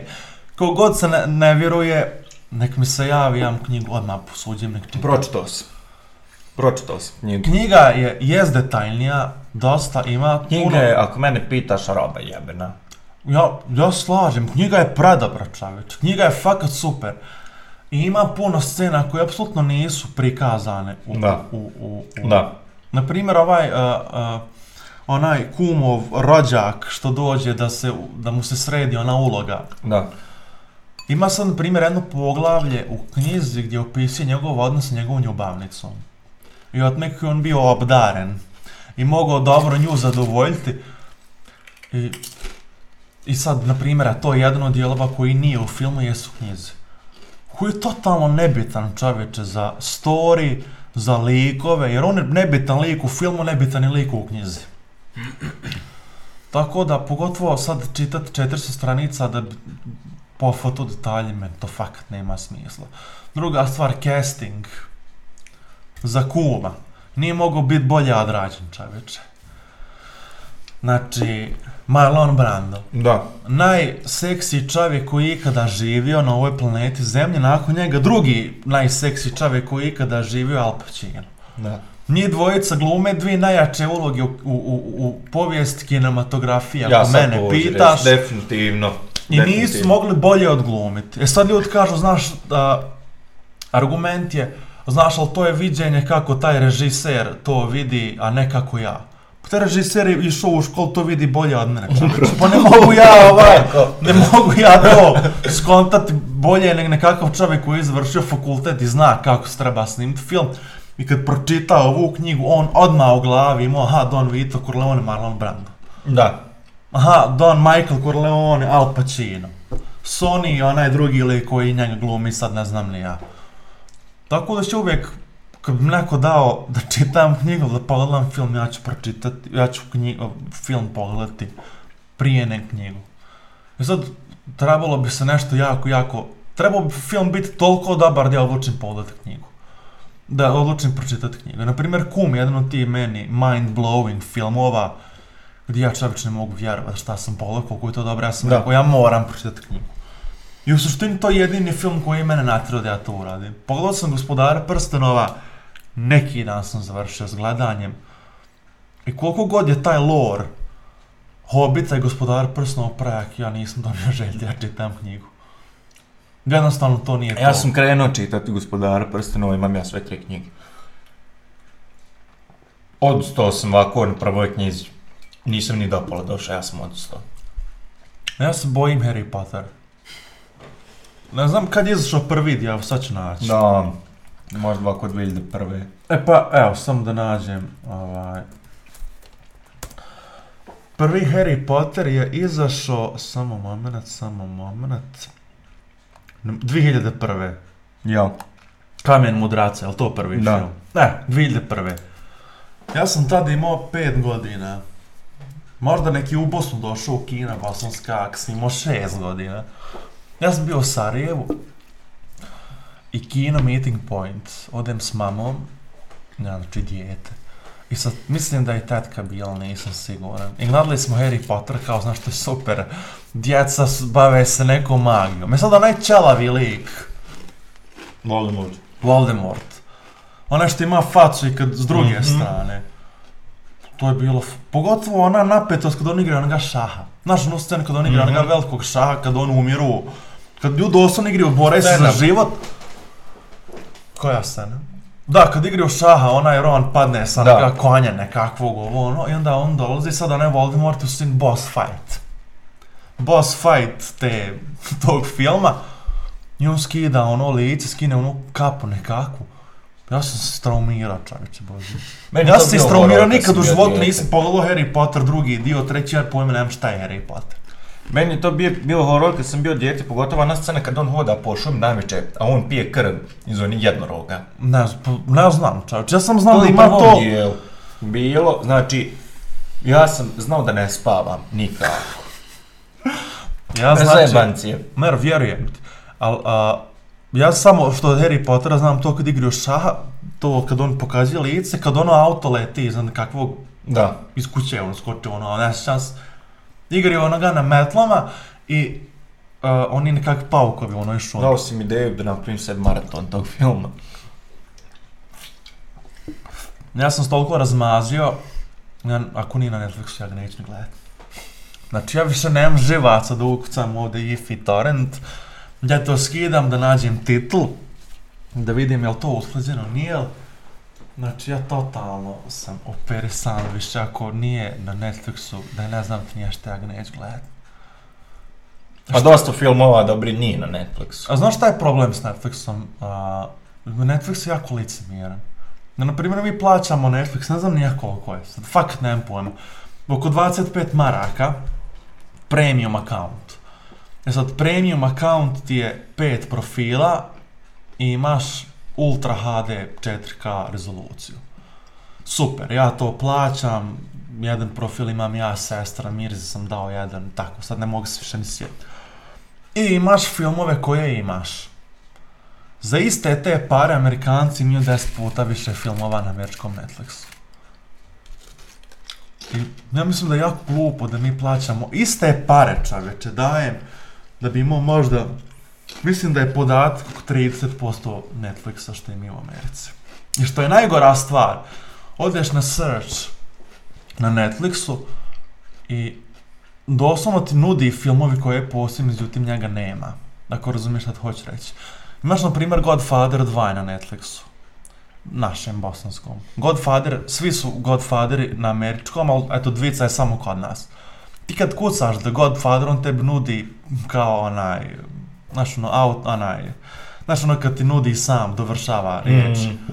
Autocomplete. Nudi ti treći dio, ti klikneš njega nema. Ne znam u čemu je fazon. Mogu to preko VPN-a gledati. Međutim, to bi bilo, ne bi to mogo lagalo bi jako, vjerujem da ono, ne bi mogo ni streamat to kako je Bog rekao. Fakt. To me toliko nervira, jel, ali ne može bez Netflixa. Netflix je najbolja moguća stvar na svijetu. Ja sam ga napravio da bi gledao House of Cards. I to mi je najbolja serija ikada. Oni nisam gledao. To pola, to je toliko napet serija, ti cijelo vrijeme ovako stoji, znaš, nad, nad foteljom gledaš onaj televizor, ko će koga ubit, ko koga neće ubit.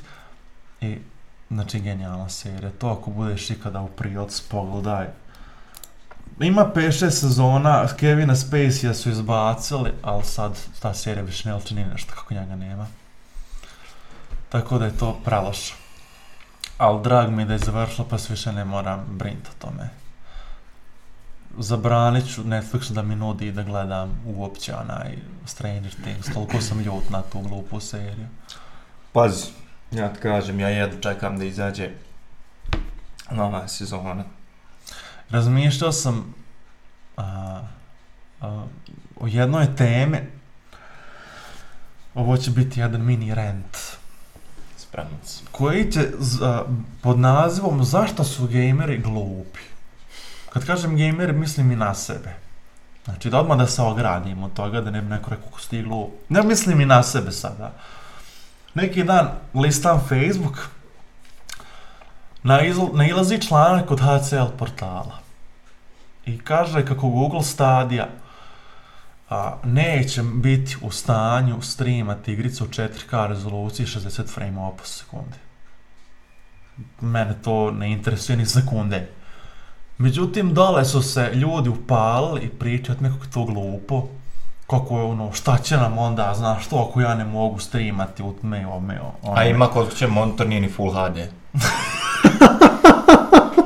E, upravo to. Da. Jako mi je, pa općenito rasprava po kompjuter protiv, se.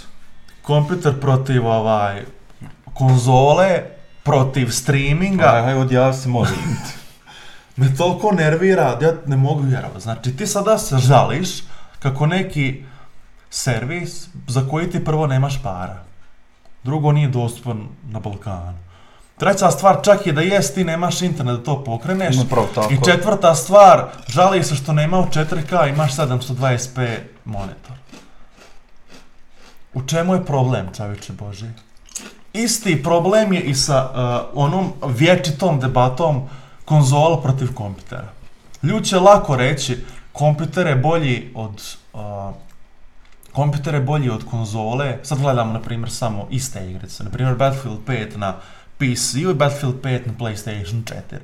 Svi će reći, naš Battlefield 5 izgleda puno bolje na kompjuteru zbog ray tracinga i tako ti stvari. Ja ću složiti. Da, istina, Battlefield 5 izgleda bolje na kompjuteru. I samim tim, kao, zna, e, samim tim kompjuter je puno bolji, ovaj, puno bolji medij za igranje igrica od konzola. Ja ću opet složiti u jednu ruku sa tim.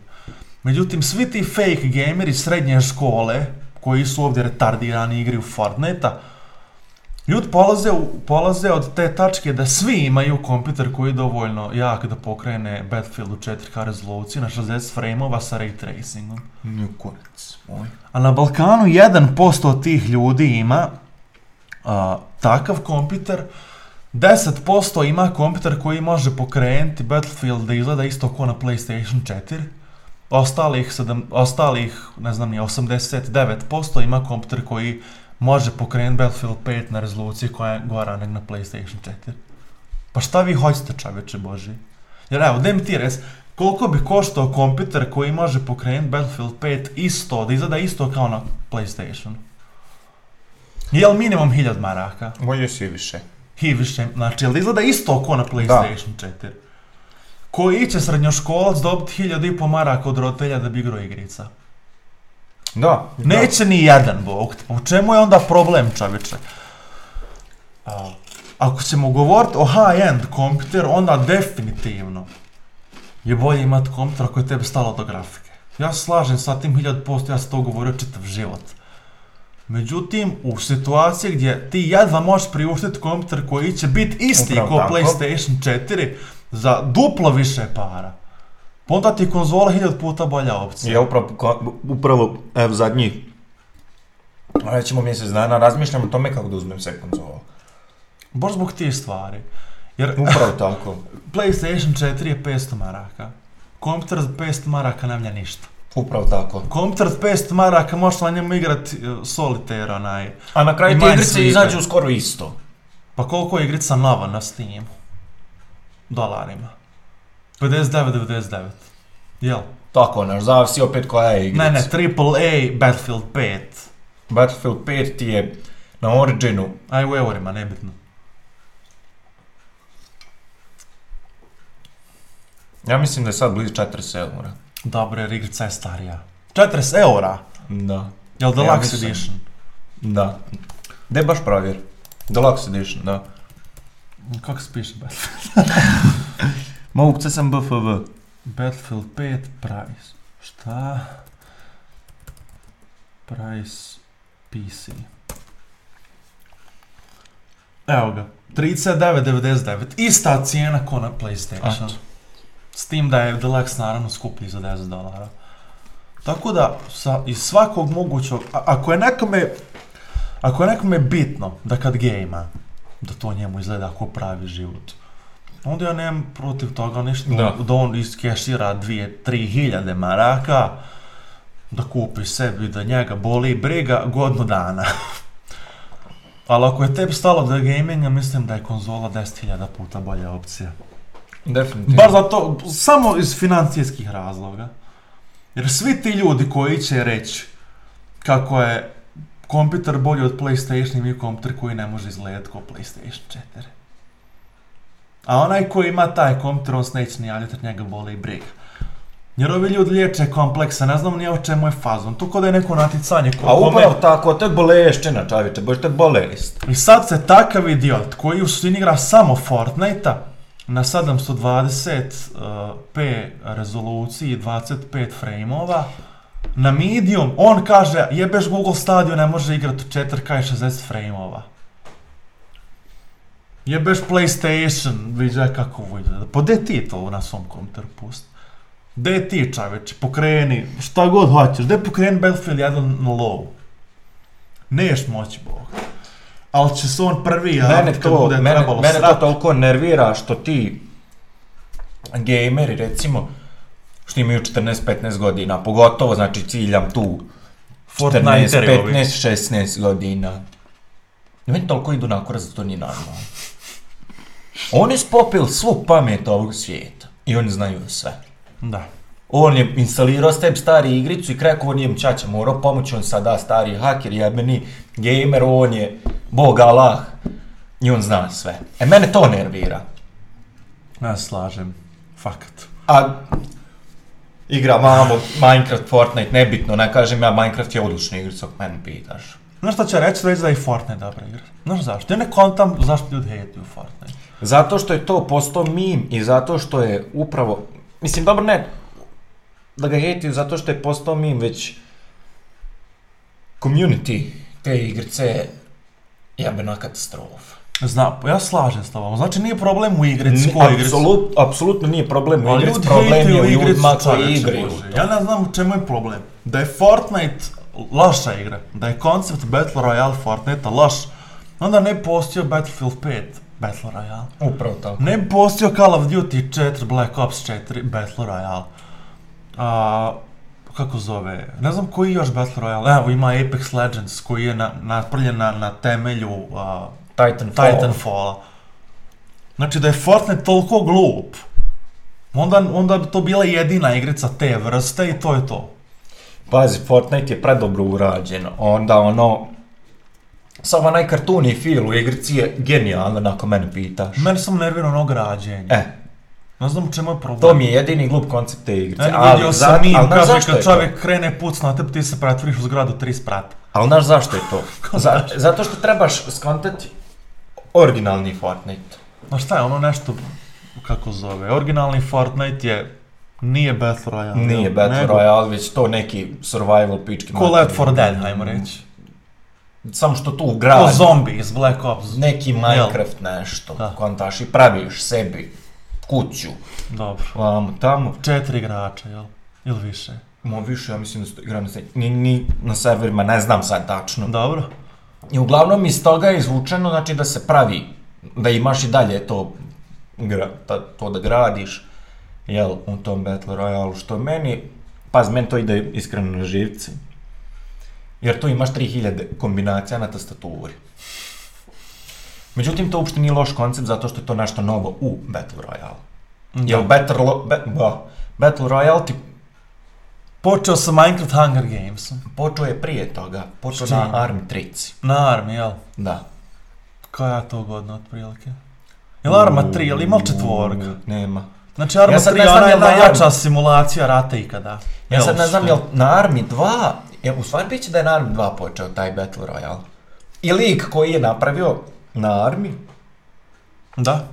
onda napravi na onome kako se zove. Hunger Games u Minecraftu ti je zapravo Hunger Games, Hunger Games iz Da. film.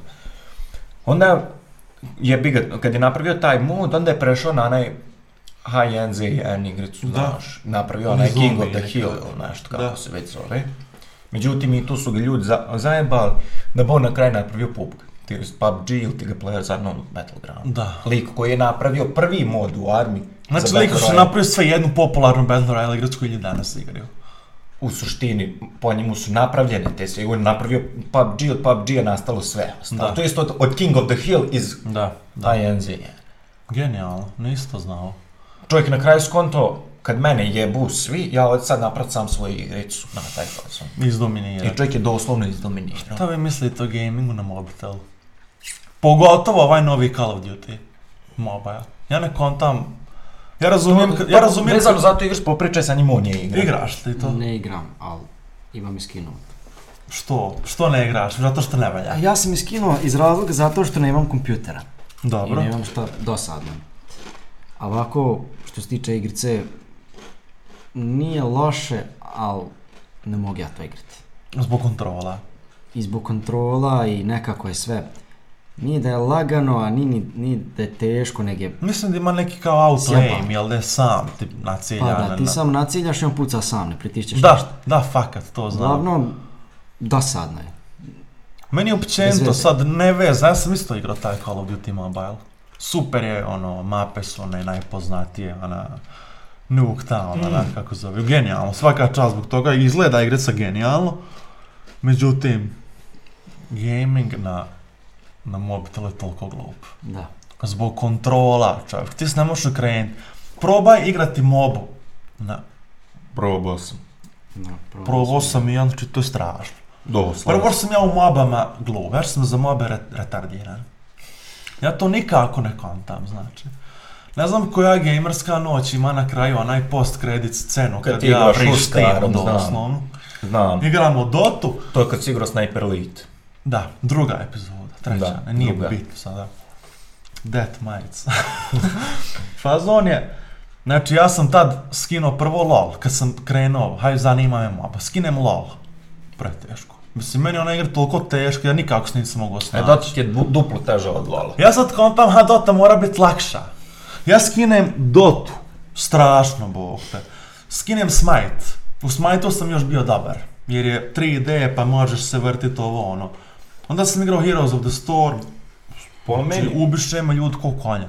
po ne znam- meni Heroes of the Storm je najlakša moba koju sam ja igrao. To svi kažu. Najlakša jest moba. lakša, lakša. Ja čak Smite ne bih smatrao klasičnom mobom. Ona is- i sve ima iste koncept, međutim meni je osnovni element mobe ona kamera. Da.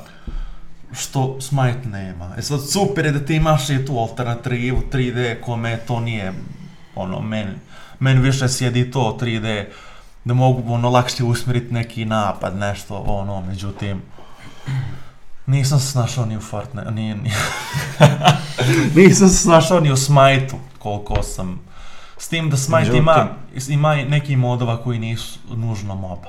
Ima gladijatorsku arenu gdje je free Da, ono- ono je- ono je ono je najjače, genijalno, ono ono je super. Mod. Imaš jungle i u njemu, Da, ali opet je do, doslovno najbolji mod u onoj igrici Ana Arena. definitivno, definitivno, slažem se. Sviđa mi se onaj 3 na 3 na jednom laneu. Da, Ono isto ono super. što smo igrali aj kad ić Da. četvrta epizoda, Da. jel? da, A, onaj, ono isto super. da, ono je genijalno. Ali definitivno Na arena je dosta. ali arena je nako ono da ideš se upustiti Ja, bi- ja, bi- ja bi otišao dovoljno daleko i rekao da je, da, da je For Honor u jednu ruku moba. A, Mm, ako ne. nemaš iskustva, ja ću sad dat da poigraš. U suštini ubijaš, znaš onaj rem što tuče Da. u zid, ubijaš ono, braniš svoju kulu, imaš kripove i čet, 3 na 3, 4 na 4, koliko je? 4 na 4. Imaš, Onda, da, imaš mod sam. 2 na 2 i 1 na 1. U Moglo- suštini moglo- jedini, jedini element zašto to nije full moba je taj što nemaš tri, imaš tri lane, ovaj, ali to je u suštini moba koja ima koncept capture the flaga iz koda. Ja. I genijalno su to napravili. Ali znači jedino što nemaš je ono da imaš neki tower koji puca na tebe, neke Da. strele, nešto ti to srušiš, pa ideš na neki drugi, to, on to mogu updateovati da to naprave za sat vremena. Da. I mobi mobu. Koja je bila najbolja moba na svijetu, ako mene pitaš. Što se tiče igrica i žanrova, igrica FPS je za mene broj 1. Definitivno broj 1. I onda sve ostale igrice dolaze u To, to je obzir. teška tema. To je, ako mene pitaš... Ja govorim svoje. Ne, ne, razumijem, poštujem. Ja bih rekao, ako, ako mi FPS nije, na, ako mi nije najdrži, onda jes na drugom mjestu. Volim ja igre koje jesu uh, na fazon uh, God of War. Volim igre koje jesu na fazon Last of Us. Volim, ako taj Ne, third person. Ja volim, ja volim sve S te tim ako je pucačna, onda ako nije first person, ja jebe mater. Ali ovaj, ako ću ja sad biti God of War nekakav, Da. e onda za mene sad ja... Zato kažem FPS, first person shooter su meni igrice kojima ću ja uvijek se vraćati nazad. Kako se zove ona hrvatska ili slovenska igra? Ona So, njin, a, srednjovjekovna ona. Ima, imaju Scam. da, Scan. Scam je ono naš deset. Da. I mi oni onu drugu igricu, ovaj... Mislim možda je čak slovenska igrica. Čekaj da to googlam. Slovenska igrica, ovaj... A, srednjovjekovna nekakva. Nešto kao onaj Kingdom Come. Mordhau. Izgledao put to ikada? Sad ću ti pustiti gameplay. To ti je u suštini uh, For Honor first person shooter. Evo ovdje ću ovaj, na televizor, to bude da ovdje neko pi zvuk ovoga. Znači fazon je, kako zove, For Honora i taj gameplay, srednjevjekovni, razne klase. Meni je super igra, međutim, ima ona jedna, evo vidiš, Pa znam. E sad ima jedna igra koja je bila prije ove, sad ne znam kako se ta zove, i to se igralo ovako neka, evo ovo. Sad koncept je genijalan. Koncept je super, ali ovaj, ne znam. Mountain Blade, definitivno. Mountain Blade volio bi da ima online komponentu. Puno bolje. Sjetio sam sad kad gledam ovo, sjećaš se ti one igrice? To je bilo na Steam free to play. Da? Pirates, Knights, nešto. Ne znam. Joj, to smo igrali Jedina, dić, jedina ja. igra koju sam ja igrao na Steamu, a da je bila free to play, Ghost Recon Online Oj, kako meni žao što te igrice nema više u pičku mater. i Neverwinter. Neverwinter je prvi MMORPG koji sam ja igrao i bio sam oduševljen. I mislim da mi se kompjuter pokvario, ja sam zaboravio šifru, došao sam daleko i meni se više nije dalo igrati. I onda kad sam dobio PlayStation, e onda sam instalirao, krenuo, evo vidiš imaju i konje, imaju sve živo, ono. Dobra je igra, genijalna. Mislim da ima samo na kompjuteru. Evo vas nježna mapa je super. Posjećam Nanu iz Battlefielda. kako zove, ali ovaj...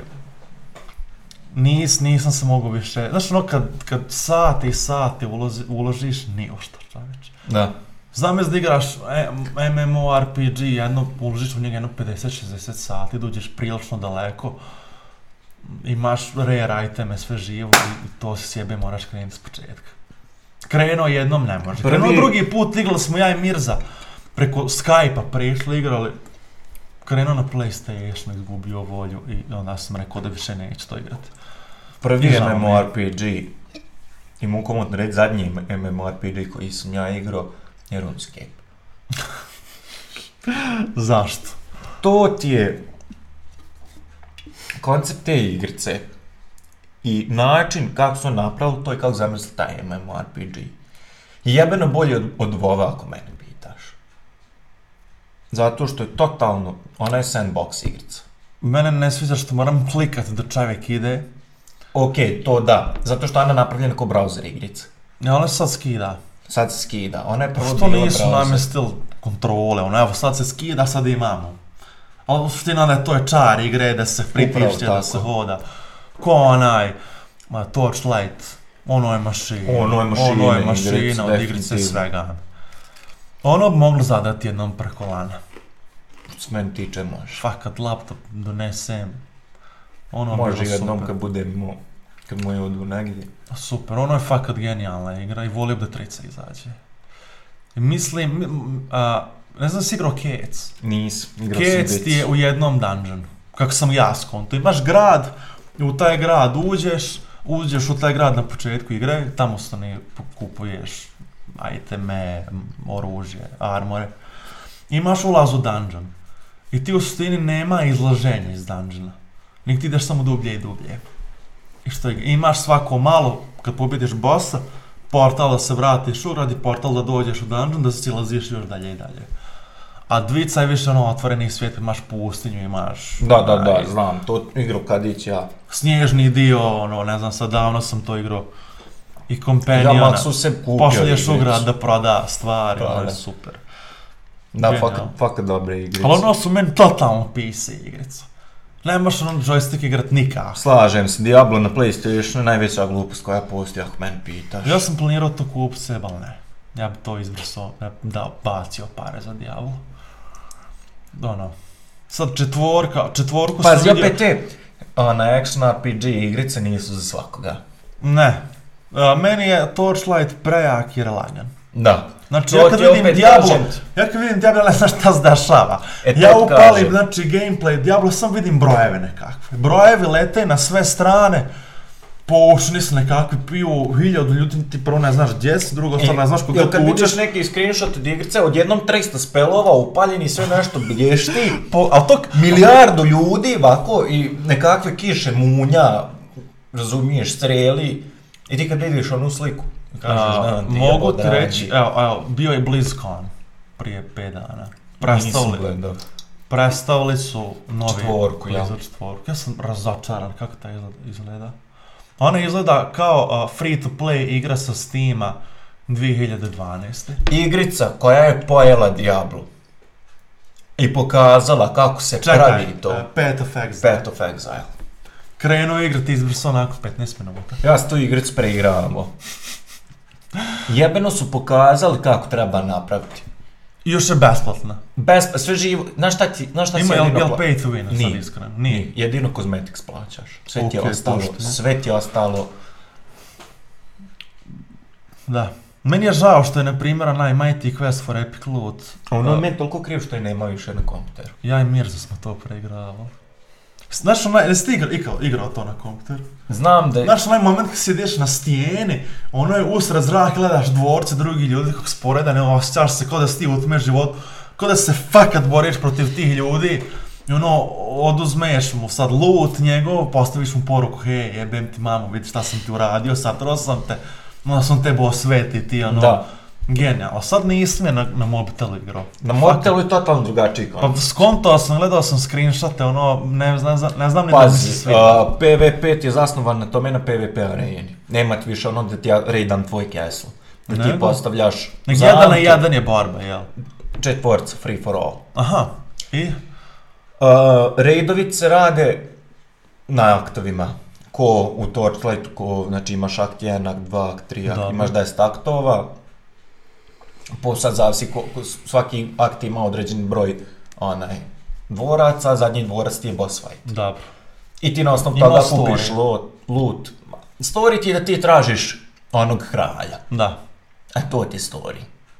Može li se preći? Može li, ima li cutscene Nisam, završni? nisam, nisam nikad Da. došao do zadnjeg akta. Međutim, nije nikako ko na kompjuteru. Meni je na kompjuteru ono bilo puno bolje. Zato što imaš svoj dvorac koji postavljaš zamke Da. i tebe drugi napadaju, ti druge napadaš. Da gledaš njegov gameplay. Upravo tako. Ovdje ti nije to. Je zasnovan na tereni i na eventima na kojima ćeš ti dobijeti bolji loot. Da. Znači, totalno je postala na basic igrica za mobitel. Da. Što nije... Ja sam je igrao, ja sam je preigravao, fakat. Na Presto igraš uvijek. Prestao sam. Ja sam je na mobitelu fakat preigravao. Genijalno. Ne probat ću. Skinut ću je danas, znači da probam sam da vidim šta, ali ne vjerujem da će to mi svidjeti. Nije loše, kažem ali opet Sad pet ljudi igraju, sad ljudi igraju onu nekakvu Brawl Stars igru. I to sam vidio, nemam pojma neko. Sestra moja tu da je genijalno. Uh, hajmo reći, mislim da je 3 na 3 koncept. Ovaj, prave isti likov što prave onaj, kak zove ono? Clash of Clans, Clash of. Clans, Battle, kak Battle, Battle Royale. Battle Royale. I ista je onako ona kartuni grafika. Da, to ono, sam vidio po super. reklamama koje mi spama svaki 5 minuta u mom jebenom životu, gdje god da se okrenu, otvorim frižider, Brawl Stars. Znaš ko je izdominirao sa tim reklamama? Travijan. Definitivno. Sjećaš ti Travijanovi reklama? Gledaš pornić, odjednom na onoj ženi izađe Travijan, brate Rimljani te čekaju, moraš doći spasti na svakog najveći vikinga. Znaš šta je najveći fazon što sam ja igrao tu igricu? Jebeno je genijalna. Ja nemam vremena za ono da on te pravi štalu 15 dana. Ja se izvinjavam, ja moram. Slobodno, gospodine. Izađi na balkon. Ne, I provjeri. nemoj, ovaj, de provjer snimao se da nije ovo džaba. Genijal. Ovaj, ne, ne volim te igrice gdje mi, gdje mi se stvar dešavaju u realnom vremenu. Znači ima takvih igrica i na kompjuteru, ima ona na Star Wars igrica. Ona, ona, oni likov, taj Battle Royale. Ti likov što prave taj, kako zove, šta su, čemu smo ih pričali čoveče, ne kontam. Ta igra koja ti napraviš onu svoju bazu, pa te oni likov napadaju, pa to nešto. Kako zove ta igra? Clash of Clans, jel? E, Clash of Clans. Praviš nekakvu štalu i to sad treba 15 dana realnog života da se, to je jebeni Farmville. Ne trebaš se Farmville Sjećam. na Facebook, ja sam to pre, ja sam umirao na Farmville-u. Ja Juvi. Imao sam najjaču štalu na svijetu, na Facebooku, ovaj... Ali mene nervira, znači moram ustati u 4 ujutro da, da, da, da, da, da napravim žetvu uh, Da, da, da. kukuruza, bog. Da. Inače propade sve. Inače propade, znači moraš uzeti četra, ako usneš 5, 15, tamo je ono zahrđalo, neček ovako plače, zaljiva, ono cvijeće. Traktora ne nekako prođe. Mislim, igrica je super. Igrao sam Mafiju, čaj, sve Mafije igrali na Facebooku. Nisam. Oni likov što prave Zinga pokera, oni su Da. napravili Mafiju. Genijalno. A genijalno meni koncept Zinga pokera, onoga... Evo, znači, jedna od najljepših stvari iz mog djetinstva je bio gaming kad imaš slobodan čas. Kod nas je u školi bio sistem da ti imaš tehničko, jedna grupa ima jedne sedmice, druga grupa ima druge sedmice, dvočas. Znači, ako sad ti ideš u drugu grupu, išlo je prvih 15 u dnevniku i prva grupa, prvih 15 je druga grupa. Sad prvih 15 imaju čas, druga grupa nema, oni imaju sljedeće sedmice i obrnuto. I najbolja stvar bila kad ti imaš dva časa, znači prazno, sat i po vremena, plus u našem slučaju je bio veliki odmor. Znači imaš sat i po vremena i još 15 minuta. Kako zove, sko, skoro dva sata sa onom odmorima. I imali smo, znači, pijaca, pošto smo išao gornje prekunje, pijaca lik je držao gaming, onaj, nije to bio nikako gaming kafić, nego samo si imao tri sprata kuće u kojoj su kompjuteri. Prvi, kompit, prvi sprat uh, je bilo možda 7-8 kompjutera, ljudi igraju koda, drugi sprat su bili tad PlayStation 2, cigani igraju uh, GTA San GTA Andreas. San Andreas, međutim imao svako 5-6 dvica, jednu tricu, tad je trica tek izašla, Da. jedna je trica bila, ljudi igraju FIFA, na ostalih pet dvica cigani igraju San Andreas. I gore, ljudi igraju uh, isto counter, tad su 1-6, Da, 1-6, 1-6. mi smo umirali na 1-6. Ko I sad, prvi sprat ljudi igraju 1-6, drugi sprat je San Andreas, gornji sprat je pola sprata 1-6, druga polovina ljudi igraju Zinga Poker jedni s drugima. Odnosno, jedan čovjek ima 64 profila na Facebook, igra pokera sam sobom i se- šalje pare. I genijalan koncept. Najče kad mi odemo tako dva sata, pogotovo se potrfi da jedan razred ima pauzu kad im. I onda mi imamo turnir u counterima razred protiv razreda. I sad jedna grupa je, jedna ekipa je na prvom spratu, druga je na trećem spratu, mi sad ne bi gledali jedan drugima ko je, šta je, nema spektatanja, nema ničega. I najjača je stvar kad neko upali cheat engine, ono ne cheat engine, nego ne botove, wall hackove, kad to koriste, ali to koriste na način da svi skontiju da je on cheat. Sad ovaj brat sa trećeg sprata se dere, psuje, mate raume na drugom spratu, sad oni cigan to čuju, čujemo i mi onda ovaj dole odozdu, jebe majko, me gore liko, ne igra pokera, jebe majko nama svima što se mi deremo, onda brat što drži, znači to je kompjuter ispred njega, Odjednom, a ovako su vrata, pošto je taj gaming, taj njegov je i njegova kuća. Znači samo je zidom odvojeno gdje je njemu dnevni boravak, od toga gdje su kompjuter. Čovjek kuca ženu, on igra tako poker, ovako cigara, žena iznosi tanjir graha, on onaj ovako cigaru da, da istresa, onaj pepe upadne, onaj grah, znači genijalno je bil. Igrao si u Tibije. Oh. Sjećaš se Tibije? Ljudi su Tibije preigravali i onda su krenuli zajebavati ovoga Oči lika. čupale, bog ti Mi smo krenuli zajebavati ovoga lika u drugom, kad smo išli u srednju. Znači četvrti razred srednje. Lik igra Tibije. Kaže, brate, ja sam 60.000 ti level, prvi sam na severu. Viče njemu kad iz, brate, moraš biti prvi kad jedini igrač. Bog ti dao. znači, genijal, nikad nisam znao tu Tibiju namestiti. Jer ja sam čuo za nju u osnovnoj, Ljudi, ta ti bi si a, igrao ali nisam znao 99, instalirati. Znači nisam znao instalirati. Vjerovo je ne, dan danas ta igra igra igrica. Da, i dan danas se igra i to ima baš pun kurac igrača. Sad ćemo vidjeti koliko ima igrača. Sad će biti. Ne znam, fakat, ja nikad nisam se mogao ono totalno, ovaj, evo, oko igra oko 10.000 igrača u prosjeku svakog momenta. Ok. Za igrač toliko staro, Genijalno. dobar rezultat. Ali ja nikad nisam, ja na primjer nisam znao instalirati. Fakat nisam znao instalirati. Tad ja nisam Zato bio... što se tad igralo se uvijek na privatnim serverima. Ja nisam znao to namjestiti, nisam znao ni instalirati MSN. Znači, mene je ta zaluđenost MSN-om zaobišla skroz. Ja sam možda jedan od rijetkih koji nije imao MSN jer ga nisam Ja znao sam imao instalirati. MSN. Ja sam bio lud. Znači, to ti je, sjediš i upaljen MSN, ma niko ti ne piše. Ti stari bulješ u najprozor. I Što je najčešća stvar, sad ja i ti smo najbolji prijatelji. Idemo zajedno u razred. Ja i ti sad ovako pričamo čitavu školu, svih šest satova, svi- svih šest sati, časova, I i dođeš mi kuć- trčimo kuć da bi pričali ja i ti online. Da, da. Veoma čudan koncept. Ali MSN je doslovno najjači messenger koji ikad postoji. Znači, ti si mogao mijenjati font. Uzmeš i kažeš, meni će biti font na bubamo, ni neki zajebani. I ti staviš taj font.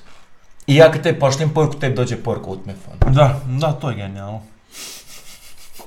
Onda znam. bilo ono stavljanje šta slušaš, kako, ono, koju pjesmu slušaš. Ne znam, imao Sladiko da to koristi. Jel umro? Ja, je ja umro to, ja mislim da ga ne nema više. Umro i MySpace. MySpace je davno umro. MySpace je bio genijalan. Za promociju bendova. I Bandcamp. A sad šta mi se desilo? Znaš kad sam ja snimio onaj svoj Space Rock project, Da. ja ga objavio na Bandcamp. I ovaj, objavim ga tamo i kako zove um, objavim igru ovaj, objavim album i ono da stavim da je besplatno skidanje. Međutim, stavio sam opciju name your price. Ako neko fakat hoće da to plati i da skine, super, ali može i besplatno. I sad, to mi ima možda dvije godine dok sam ja to snimio, objavio, to je to. I sad svako malo meni dođe poruka, neko je skinuo tvoj album i platio je za to, ne znam ni ja kako zove, 50 centi, lupam. Ja neki dan ušao na Paypal 7,5 eura. tako da ću sad gledat da, da te pare dignem, da imam eto tako ti 15 maraka kao uspomenu. Hej, ovo sam ja zaradio slo... stvirajući muziku.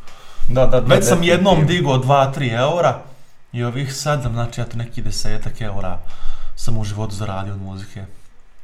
Ali od svoje muzike. Odlično svoje muzike koju sam snimao i to je bizaran koncept bio jer najproduktivniji sam bio, sad mi je na primjer jedna vel kreativna suša.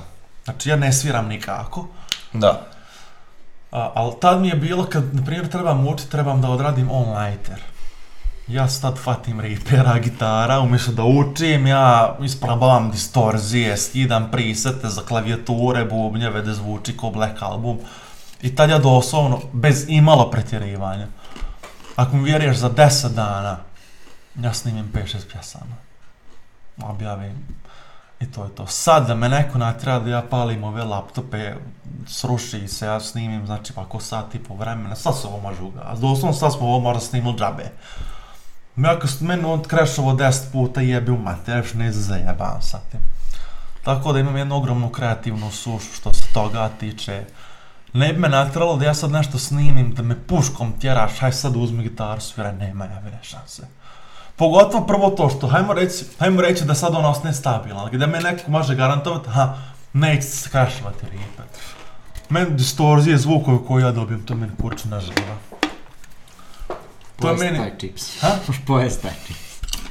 Hoću vam oko seljak pričat osobo. Fakat me to brine. Ali jedino moram upisati fakultet. Pa onda kad krenem učiti, onda će ovaj biti. Onda će biti neke inspiracije da snimiju ti džentovi. Da, da, da. Ti ovaj- Oni galantni gospodini, Da, da, da. horovi i ono. Ono definitivno ako nešto treba uraditi. Ono treba uraditi, međutim, taj žanr muzike je u Bosni nula. To ne postoji, da ljudi ne znaju šta Ne. je. šta je post-rock. Jer mi smo zapeli na jebenom XU roku. I mi ne znamo dalje od toga. Mi ne znamo dalje od Azre, EKV-a i ostalih glupih stvari. Meni je žao. Ako neko to sluša i sad se našao uvrijeđenim. Ali ja ne mogu, ja ne mogu skontat zašto mi slušali, ja ne kontam uopće koncept ku, forsiranja nečeg domaćeg samo zato što je domaće. Znači, po, ali najviše me to nervira u muzici, kad sam bio u Sarajevu. U Sarajevu ima puno bendova. Puno bendova koji sviraju razne žanžave. Imaš deathcore bendove, imaš grunge bendove, imaš punkere. I svi oni prave auto, to nisu cover bendovi. Oni imaju i cover, ali međutim uglavnom sviraju autorsku muziku. I to je to neki fazon, brate. Bilo bi super kad bi ti podržavao domaće bendove, jer znaš to je pametno, tako se jača domaća scena. Brate, ne mogu te slušati ako zvučiš ko, Da. ko nekakav EKV na samrti, Bog ti dao. Upravo Ne znaš pjevati, ne znaš svirati, ne znaš... Ali ja te moram slušati zato što si ti domaći band. Ja prije umrao. Pogotovo kad me forsiraju, brate, moraš kupiti Sky Cola zato što to je domaći. Pa kad Sky Cola bude ko Pepsi, ja ću nju kupit, ni problem. A do tada me nemojte nervirati. Svaka ali ne, ova Sky Cola sam uzeo samo kao primjer, Sky Cola je super. Da. Sky Cola je meni genijalna, pogotovo što ono imaš Coca-Cola koja je Avengers, imaš Sky Cola koja je Justice League. Da, Znaš, da. to je neki fazon ovdje u Bosni. Ovaj, super, ali ovo sam onako bez uzeo. Ali sad bilo šta, znaš, kupujemo domaće, Zašto bi ja čovječ kupio kod nekakve žene na pijace koja je kila jabuka 16 maraka, u Bingu je kila jabuka došla iz Amerike košta 2 marke. Pa ja bi bit budala, bo. Šta hoćeš čovječe Bože? Trošiti pare, to je, znaš, nije prska. ono. Šta ja znam jel prska? Ja nisam veterinar, nisam biolog, nisam, ovaj, nisam, nisam stručnjak. Jer znaš koja je razlika između prskanog i neprskanog voća? Ta što ja kažem da to nije prska, ja to ne mogu provjeriti čoveče. Znači Da. ti ako prodaješ voće, ti meni kažeš, brate, znaš, moje jabuke nisu prskane, ja što tebi sam trebam vjerovati. Da. A ti si možda na nju stavio 16 kubika, oni otrova da mene ubiješ kad ja dođem kući. Ne znam, ali opet, ja najviše volim ako kad je Sky Cola level, da je ne bi u Americi, ne, ne bi se postililo da sad umjesto Megda, da u McDonald'su umjesto kole bude Sky Cola, ljudi bilo zadovoljni. Da. Bi 100%. I u tome slučaju ja Svaka podržavam, čast. ja u tome slučaju Ali ti podržavam. meni daš neki eurokrem dan ti jebo da... E, upravo sad sam krenuo reći, ne možeš mi reći da je nijedan domaći Eurokrem bolji od Nutelle. Nema šanse, čoveč. Pogotovo ovaj novi Eurokrem iz Kladuše. Maz. Maz. Meni on je loš. Svaka čast, nije on ni mene loš, loš, čoveč. Ali on je... Preskup, On je preskup. preskup. Ja se On je preskup, ovaj... On je preskup, međutim, a doplatiš Marku i kupiš Nutellu. Upravo tako. Pa ja ne kontam, ali sad, znaš, treba igrat na memoriju. Naši su roditelji jelu mazu, pa bi trebali mi. I to nas podsjeća na neka ljepša vremena, znaš, kad se moglo spavat na klupama. Kad su ljudi moglo ostaviti auto otključano ispred kuće i da mu to niko ne ukrade. Znaš, to je taj koncept. Mislim, koja ljepša vremena, hajmo biti realno. Kad si ja ti vremena ne sjećam, Ne nisam znam ni ja, moja, moja, moja lijepa vremena podrazumijevaju Nutellu. Podraz... Ja, sam, ja sam, znači, zadnjih godinu dana sam u potrazi za jednim sokom. Njemački sok koji imao sliku tigra na sebi. Sjećaš se ti toga? To meni toliko paz. Uj, Znam. ja Kako znači- son da nije. Kako se zove? Jest. Kako? Capri. Capri Sun. Da. kao sunce. Da. Zone. Da. Capri zone. Jest. Nije čoveče bože. Na, ukucaj zone na, na njemačkom sunce. Ja koliko sjećam on je imao. Znači nije to taj sok. Slika je tigra bila. A sjećam se Bilo od jabuke sok, bilo- bilo, bilo od u- naranđe, u velike one od 2 litre i bile su Deo- male. deo- Bilo ne male, probijaš slamkom, ono bilo ko u kesima ovog ti. Nije, nije, nije to taj. Ne znam, ja sam u potrazi za sokom, ja to tebe ne mogu, znam da njega nema Ali pa nigdje nije kupiti. poznato mi je to, totalno to s tigrom. Znam, ja sam to vas da gledao reklame na sam Da. da. Da, e, upravo to, rekao. Znači ja ukucam to na Google, iz- izlaze slike pohuljica. I slike nekakvi steroida za strongmane. Kontaš. I to je bilo na... Ja, na togo. Sam da vidim. Koje su to godine mogle biti? To su bile 2005. Tako nešto. Ajde šestu. Vidiš, nema, izlazi Juice Rapper ovaj. Gdje je napisao da je dječiji? Za djecu, jel?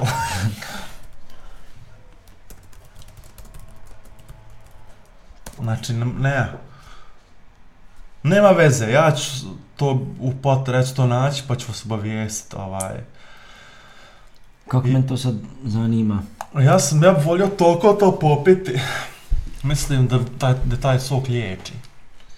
To je onako legit lijek. Sjećam se onda, znam moja sam dobra vremena pi- bila mamba.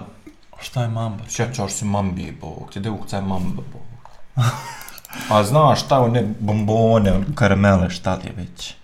Ma šta bo? Anti. Svem ti pričaš. Evo, ako s toga Aha, ne da, da, da, da, da, znam, nisam znao da se tako zove. I heavy cola. Sjećaš se se heavy cola je marka. Pol litre marka, čoveče. To je Ja se cola, sjećam znaš, znaš, super kole. super kola. kakvi su to otrovi. Pol marke bil. I Spider Call. Ne znam, znam za Spider Cola, to je neki call, fake Spider-Man. Marvel Cola. Uh, najjače su mi kole koje koštaju ovako, kanister kole košta marka i taj kole je okus prave kole koja je 16 dana bila na suncu. Da, Izlapila. da. I to smo mi pili čoveče u, I u to- osnovnoj školi, to ko, se ko zadnje pilo. budale.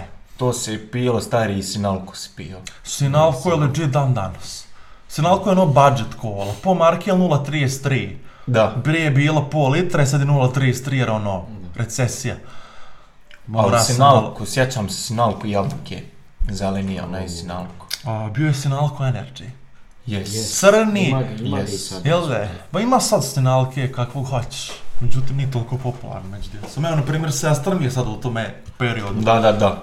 Osnovne Rum škole, pločice. rum pločica, uh, 4 kg salame, 70 Da, feninga Da, i to je to. I, al ono boli te stomak kad to pojedeš. ali te boli i kurac isto tako.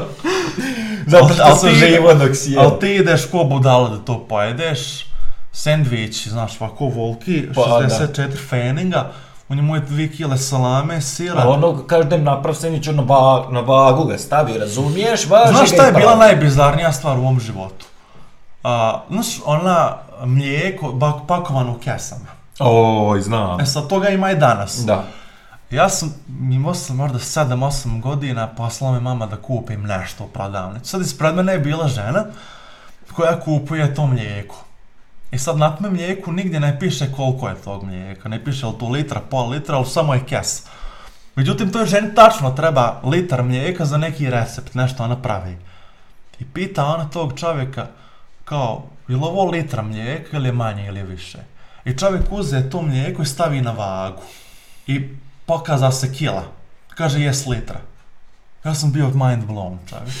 Ja sam tad tek skonto, aha, vidiš, postoji... Znači, ja sam sad, ne znam da li je uh, prvo bila litra nečega, pa je to, pa je to izvagano, rekla, a ovo je kila, ili je bila, znalo se koliko je kila, pa su nasuli vode da bude kila, pa je sad to litra, ako me kontaš. Da, da, da. I vodio sam debatu oko toga, da li je medvjed dobio ime po tome što jede med ili med dobio ime po tome što ga jede medvjed.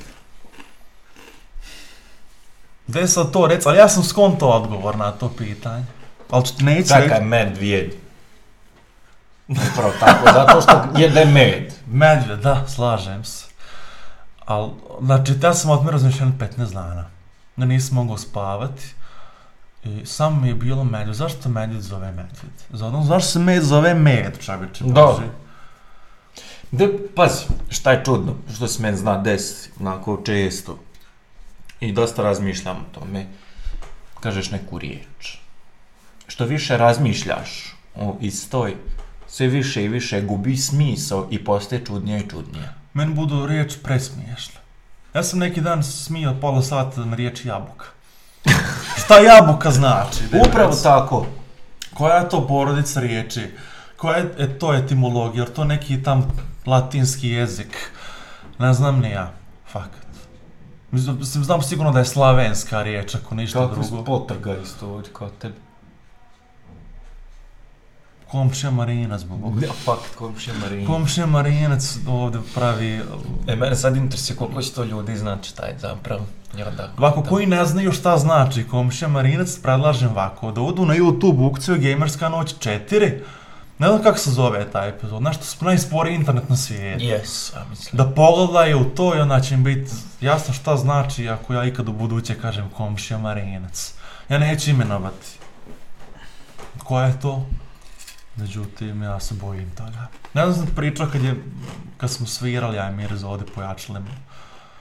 Kad je komšija kucao na vrata. To ste spominjao, ja mislim, u toj on je došao kod mene noćiti. Ne, ne, ne, to je bilo poslije toga. Aha, Došao kod mene noćiti, mi ćemo svirati. Kod mene u sobi. Ja sam tad, mi smo tek došli u ovaj stan, ja sam tad skontao, joj, izolacija je genijalna. Neću jest nešto. Čovjek je došao za nju pojačalo, ja pojačalo, plus treći zvučnik pušta matricu i preko toga sviramo pola tri ujutro. Metalika, čoveče, bože. Komšija je kucao na vratu, mi nismo čuli da on kuca. I taman kad je on krenuo da pozove policiju, mi smo slučajno prestali. Ja nisam znao dok on nije sreo Maju u liftu, rekao im tako kako je to bilo i tad, tad fakat ne volim ogromnu gužu u kući, imam neku da. anksioznost, pogotovo Da. kad mi dođe neki gaming, nešto s ljudi, jer ja fakat osjećam neku nalagodu, ono, de chill, bog ti da, ovo ja, moj smijet. Zato meni puno bolje imat kući nek stan. Definitivno. Ja bi odmah zid maršala u sobu, u dvoranu i briga me, znači. I to će jednom uraditi, ako Bog da, kupiti sebi kuću. Ili napraviti. Da im prvo da imam pašče, to je, to je glavna stvar.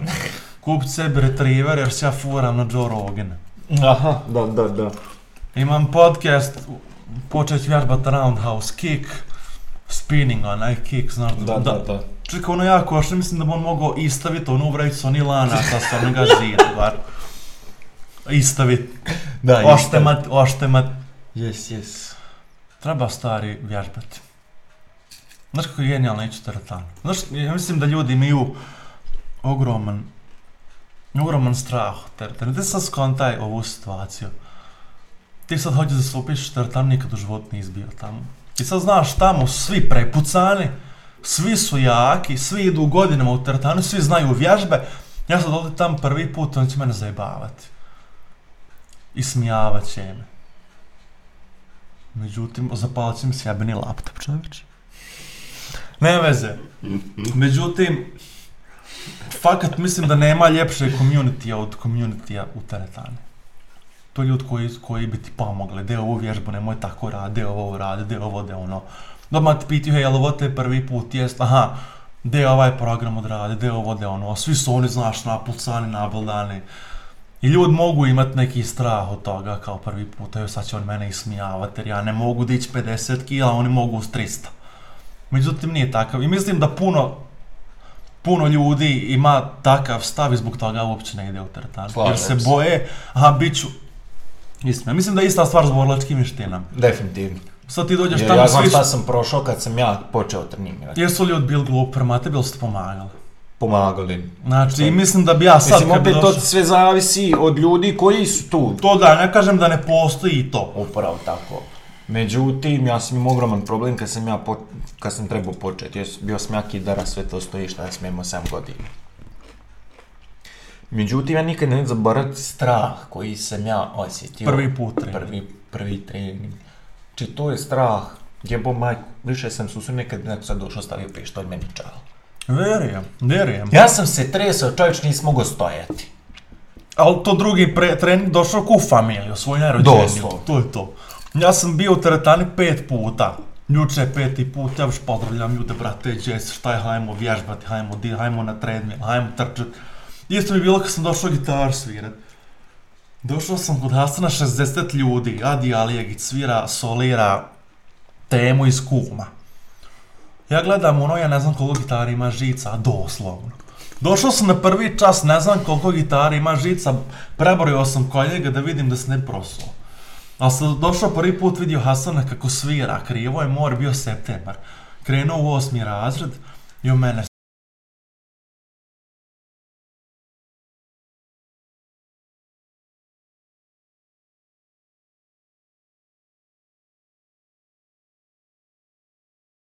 zanima gitare, slušam Green Day.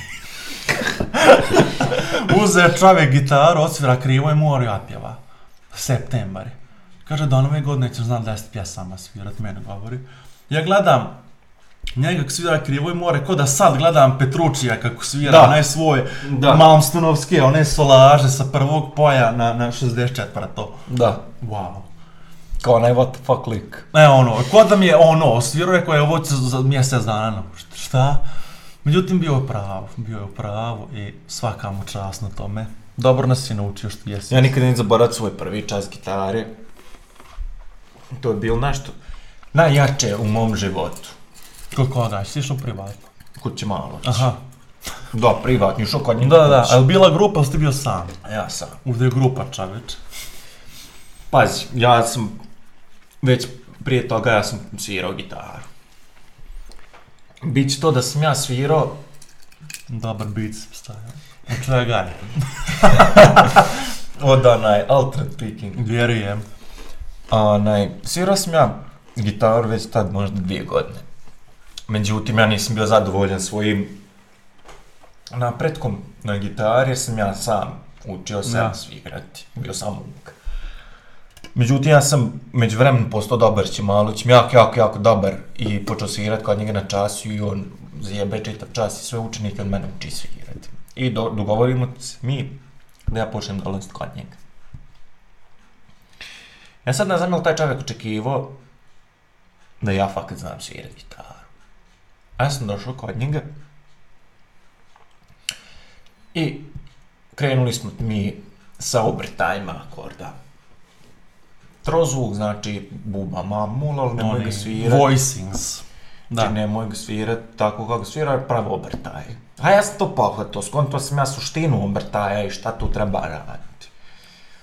Mi smo polako zadrali u harmoniju, septakordi vam tamo nebitno. Međutim, ja ne znam šta je taj čovjek očekivao, mislim, svaka njemu čast. On mene učio dosta toga što ja nikad ne bi sam učio. Trenutak kad je on uzeo svoju električnu gitaru, Krenuo šredati. Jel? on je, viče, ovaj riff učiš na gitari. I čovjek svirao Sid Light Tonight od Ingve Malmsteen. Sad ko iole zna ko je Ingve Malmsteen, ko je čuo tu pjesmu, za nekoga ko svira godinu i pol dana gitaru sam, svira taj riff je poprilično nemoguće. Ja sam taj riff svirao nakon dva mjeseca. Jel bio zadovoljan? On meni toliko forsirao, to nije bilo normalno. Sljedeća pjesma koja je bila I am Viking od opet Ingve Malmsteen. Još zajebanije. 10.000 puta zebanje. Jedna je genijalna stvar, kad sam ja već godinu i pol, dvije išao kod Asra na sviranje, već sam ja pofato, šta će ti nakon dvije godine, ono jedno može sad vježbat biti bolje, ali sad meni neko uči akorde, ono. I on je imao dvije grupe, fakat totalne početnike kojima je radio akorde i ovu malo naprednju grupu s kojima je radio pjesme. Da ne, ovaj ja svirati solo, ovaj će svirati ritam, bas, vam tamo. I on je imao kafeć ispod svog lokala. I on je nama dao pjesmu Rise Against, Band Hero of War. Pjesma prejaka, govori o nekom o ratu u Iraku i akustike, skroz akustična pjesma. I on je nama rekao, ja ode pit kafu, bit ću sat vremena, vaša je da mi prvi put slušam pjesmu, morate skinuti na uho.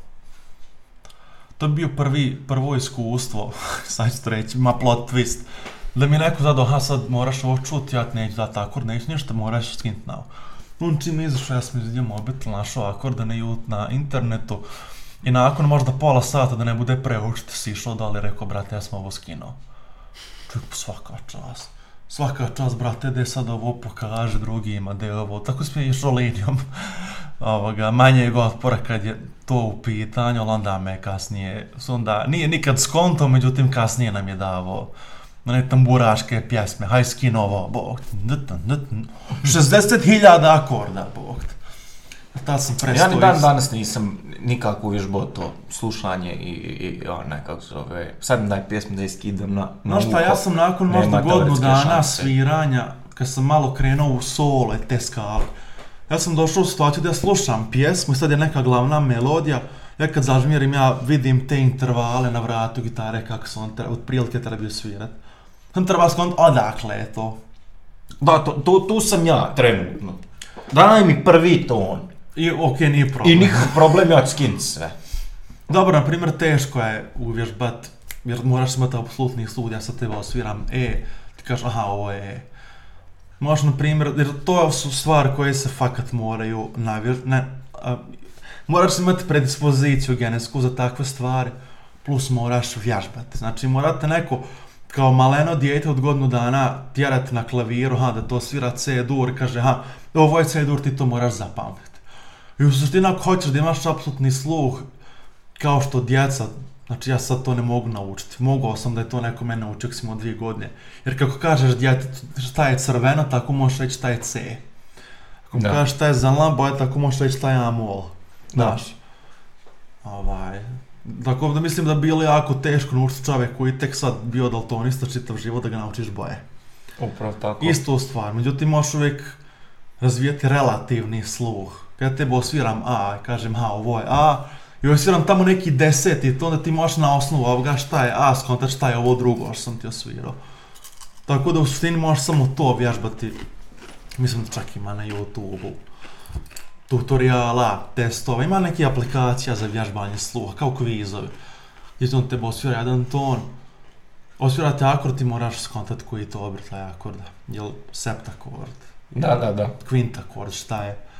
I to vježbanje apsolutnog sluha, odnosno relativnog, ono da te osvira A i onda ti moraš shvatiti šta je neki tamo drugi ton na osnovu ovoga što je on osvirao. Tako da. Neki dan sam došao u, u iskušenje da prodam gitaru. Hvala. Što ja nikad u životu neću raditi. Ali ja imam te intervale gdje to mene toliko pere. Znači sad kad ovako prešao po gitari, bilo ovako kilometar prašine na njoj. Žice su zahrđale, mislim kad bi se, kad bi ih zamijenio morao bi otići prim tetanus u bolnicu. Jer to je do otle došlo. Ali neću nikad prodati. To je moj prized possession. Da. Pogotovo sedmerac. Definitivno. Još kad odem da mi napravi se osmerac Telecaster drveni sa aktivnim pick-upima, Znaš kako sa vratom koji će biti veličine ovoga laptopa. Ja bi sa šest žica Telecastera, međutim, da mu je bridge pickup humbucker I da imaš single i coil. napred single A coil. zašto ne bi dva single coil? Jer kod mene su nobje gitare humbucker, single coil, single coil. Ali ne, ja bi išao samo humbucker i single coil, Aha. ne bi ono u sredini ništa, znači. A nazad humbucker zato što ako mi nekad prahne, da nešto malo žešće odsviram na toj gitari, mogu jer imam humbucker.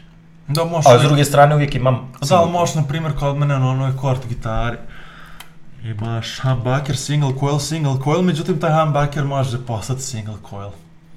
Ja. Znaš, onaj, kako ne znam to, coil tap, coil split, ne znam sad, Da. ima neka razlika, ali i genijalno je. Da, da To je fakat ono, e sad, to nikad neće zvučat kao pravi single Da, coil, to- budemo realni. Međutim, to neće, neće razumeli. baš, biti ni, ni džigera, nakrmetina, znaš. Biće barem neke razlike, ako nešto drugo. A ja se sjećam prvi put kad sam krenuo, ja sam malo, malo ono, uputio u solaže, aj sad kao nešto solirat. I ja, u meni uopće koncept mijenjanja pick-upa sa bridge na nek bio nešto popnučem, ja uopće nisam znao ni da to postoji. da. Ja sam znao, ovi magneto, to nešto služi nečem i to je Da, to. da, da. Međutim, kad sam ja, ja sam znači krenuo solirat i na humbuckeru, znači bridge pickup humbucker, to nije za solo nikako. Da. Ja sam slučajno prebacio na single coil neck pickup. Z- dobio sam 70% približan zvuk Malmstenovom, ono meta Da, da. Stratocastera s tom. Ja sam bio blown away, čače, ko šta? Ja nisam znao da to ovo radi. Da, da, da. I onda sam se krenuo igrat sa tim onda sam krenuo malo dublje ulaziti u te tonove, u ta drva, u pojačala, tako. u, u, u, u kabinete i sve živo. Ja, to, to je ono na što prejak u Amplitude. Što ti možeš raditi sa cabinet šta hoćeš. Amplitude je prekomplikovano sin. A kad bi, kad bi, kad bi ti simulatori pojačala bile igrat sa Amplitude bi bio data. Dok bi jebeni onaj, uh, kako zove ono drugo čudo? Ono što ti odmah dođe preset i tuc, sviraj. Guitar rig. Jel gitarik? Ono nešto drugo, nebitno, haj sad da nije ni bitno. ono ti je nekako više postavljeno, aha, ovo ti je zvuk za metal, ti u suštini samo povećaš malo gaina, smanjiš u... Na YouTube čoveče četiri su zvučnika u kutiji i ti svaki možeš po, po, da bude Da. različit, mikrofon pomjeri ga, odmakni ga, U koji hoćeš mikrofon. da, koji hoćeš i to mi je genijalno. Onda imaš one, one procesore, ali one, rek, jel? Yes. Da, da, nešto Rekove stavljaš imaš. nazad. Imaš rekove. Onda možeš birati, možeš dvije glave stavljati. Ja to nikad nisam skontao kako se to radi, bog. Nisam ni ja. Onda imaš dva pedal stompa. Znam, znam da imam po dva, ali ne znam kako ključ taba. Ja, Ja znam da ja imaš znam- preset kojim su dva. Da. I to ja ne znam kako sam da A napravim. uglavnom da. šta imaš opcija? Ono ni normalno. Ima, ima i oni presete, međutim preglupi su. Pre, preglupi su. A ima neki dobri motiv. Ima onaj Ali- Theater of Dreams, Dream Theater, John Petrucci fazon. Ima ovaj jedan od Mesa Bugija što ja koristim, kako je dobar u pičku materinu. Ali trenutno koji najviše koristim je od Fendera Supersonic. Mhm. Ja volim onaj Twin Reverb. Ono mi je onako post roka, stolane Ali- Del Rey fazon. Da, a u suštini to ti je sve isto, samo što to na pojačal namu da. Da, da. Ali ja volim taj Twin Reverb i ovaj, kako zove, ja sam jedno vrijeme bio zaluđen surf rockom. U... Surf rock i napisao sam jednu pjesmu, surf rock sad ću ti pustiti. Uh, mislim, ah, zapravo ne mogu sad, posle ću ti je. Ja sam mislio napraviti surf rock band, kad kažem band mislim da ja snimim sve živo. I snimio sam jednu pjesmu, bio sam inspirisan, podao sam taj dan Pulp Fiction, tamo je onaj Dick Dale, otac, gitare, ja ću reći, tek da ne govorim u surf rocku. Onda sam krenuo njega slušati, rekao, pa ovo je fakat prejako, povećaš onaj uh, reverb, onaj ambientalni. Da. Počneš to misliš da si ušao u, ne znam, onu, ne znam ni ja gdje. Onu crkvu nekako, po ono sve zvanja. To i mol nekakav tučeš, prebiraš na prvih pet polja. Da. I mašina. Fakat je super, voziš auto. I genijalno je. Ovaj, kako zove. Tako sam jednu pjesmu snimio. Dwayne Eddy, isto dobar surf rocker, imaš on njegovu pjesmu Rebel Rouser, predobar. Mislim da Surf Rock. Jer pa zdi gdje je li umro prije dva mjeseca. Čovjek koji to izmislio, čovjek koji im je uh, Leo Fender dao prvu Fender gitaru. Eto, znači koja je to veličina. Od Da. čovjeka koji je, ja ne znam šta je, on, on je bio čovjek koji je uzao gitaru za ljevake i okrenuo žice i svira je zato što je dešnjak. Ne to skontaj. Ovaj, međutim, ko svira surf rock čoveč? Ako ćeš svirat, onda kaviruješ njegove Mislim, pjesme iz sluša? 70. Pa ne slušaj niko. Doduše nismo na, na plaži Los Angeles. Da. To prvo. Jer ako, ako ikad odemo u Los Angeles, prva stvar se album u Dick Dale. Posati, leći gledat ključ surfaju. Genijalno. Ne znam, gleda onaj film, onaj me pingvin što surfa. Aj, znam. Surf. Jel, happy, jel to Happy Feet? Ne, surf Nije Happy Feet je kad pleše. Ne znam kako se zove taj Surf Sup. Kako? Surf Sup. Jel ima dva dijela taj film? Ja mislim ima. ima. Ono nekako takmičenje, ona nekakva džehennemska plaža i oni Da, brodovi, da. kosturovi. To je najdepresivniji filmova koji sam ikad u životu pogledao. Imam neku blagu fobiju od mora i morskih filmova, pogotovo scena gdje se ljudi guše u podmornicama i sad ono surfanje, ono more nekakvo sivo. I on tamo surfuje, onaj se n- n- nabode na one grebene, potone, aktivira onu nekakvu minu podvodnu. Meni je nemo, potraga za nemom, ono je men horor, čovječ. Pogotovo kad pliva, plivaju kroz onu brazdu i dođe onaj nekakav ajkula njih ganja, ovaj, znači, strahota od filma.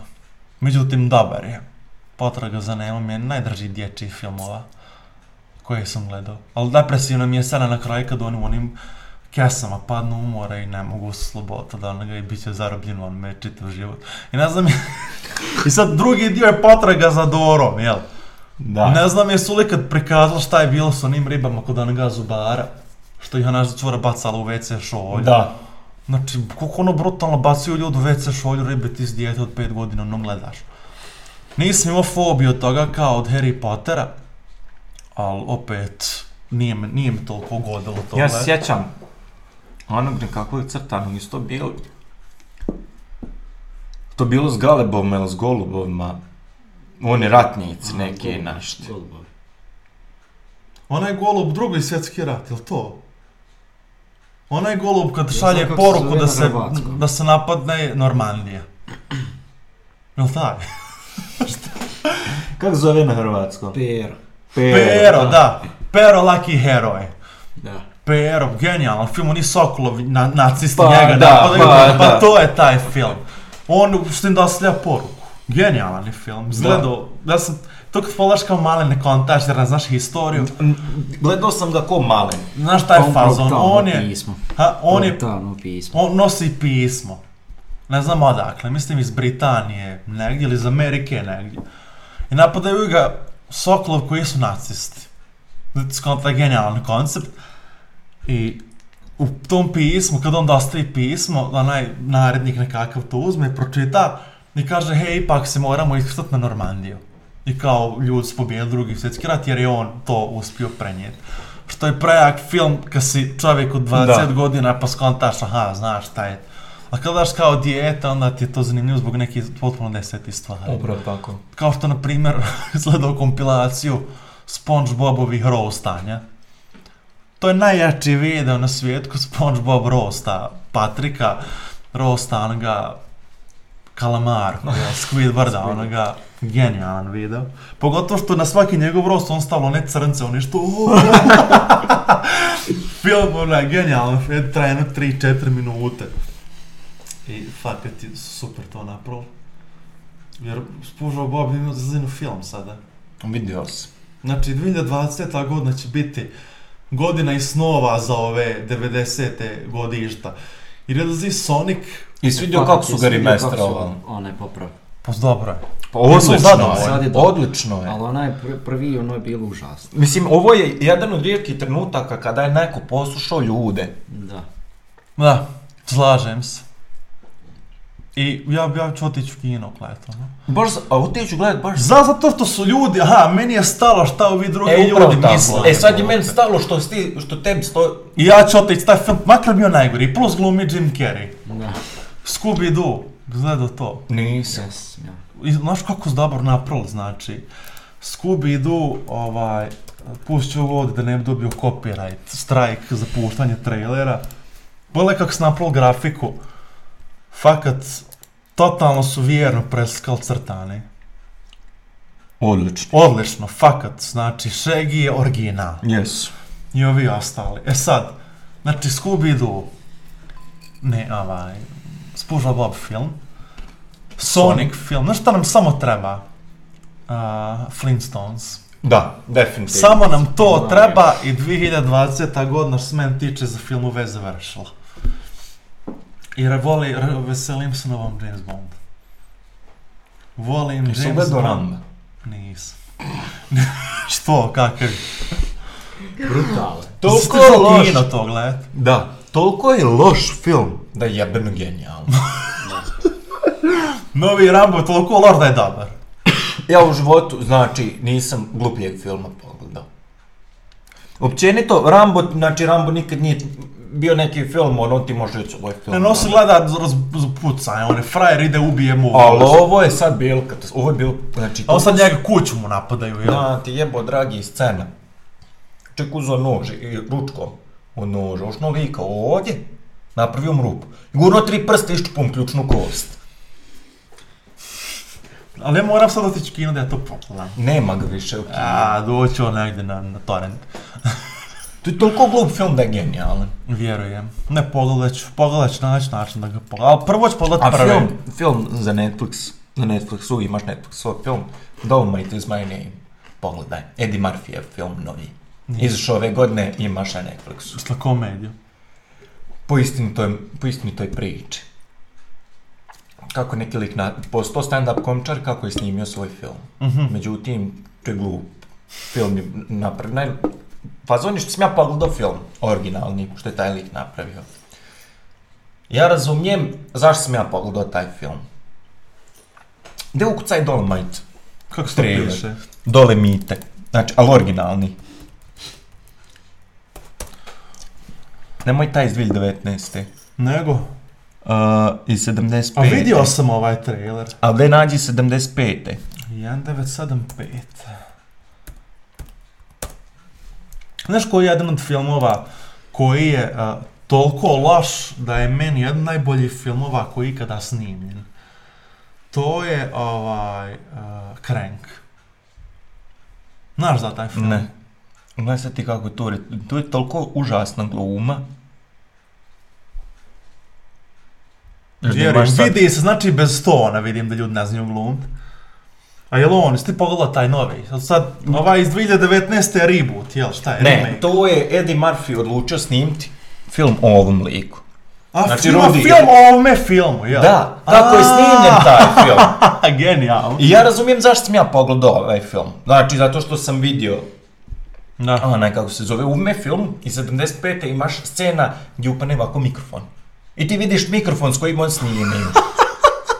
Moram to pogledati, čovječe. I onaj, ja kontam zašto sam ja pogledao taj originalni Dolomite iz 75. Međutim, taj film kad je izašao, kad je njega prodao u kinu, je oborio se jedan mogući rekord tada. Koliko se Zato što je film- glup. Samo su crnci ga gledali. Jer je ovaj lik u me filmu glume tri bijelca, ostalo sve sami crnci. Čovjek napravio film za crnci. Znači gdje će kung fu, karate, gole žene i psovanje. E to je I sad u suštini Eddie Murphy roasta ovoga lika. Pa ili, ne ili, ili mu daje, ili je to tribute nekako? tribut za njega da, Da, da, da, da, pokaže je. šta je čovjek uradio. Da, da, da, super. Ali ne znam gledao Crank. Ali to je meni toliko poznato. Jason Statham glumi lik koji mora non stop se kreta da ne, da ne bi umro. Znači, znači to je najbiz, najbizarniji film ikada. Znači, čovjek spava i budi se. Njemu nije dobro. Sad ću spojlet, međutim, film je toliko dobar čak i kad znaš šta će se desiti.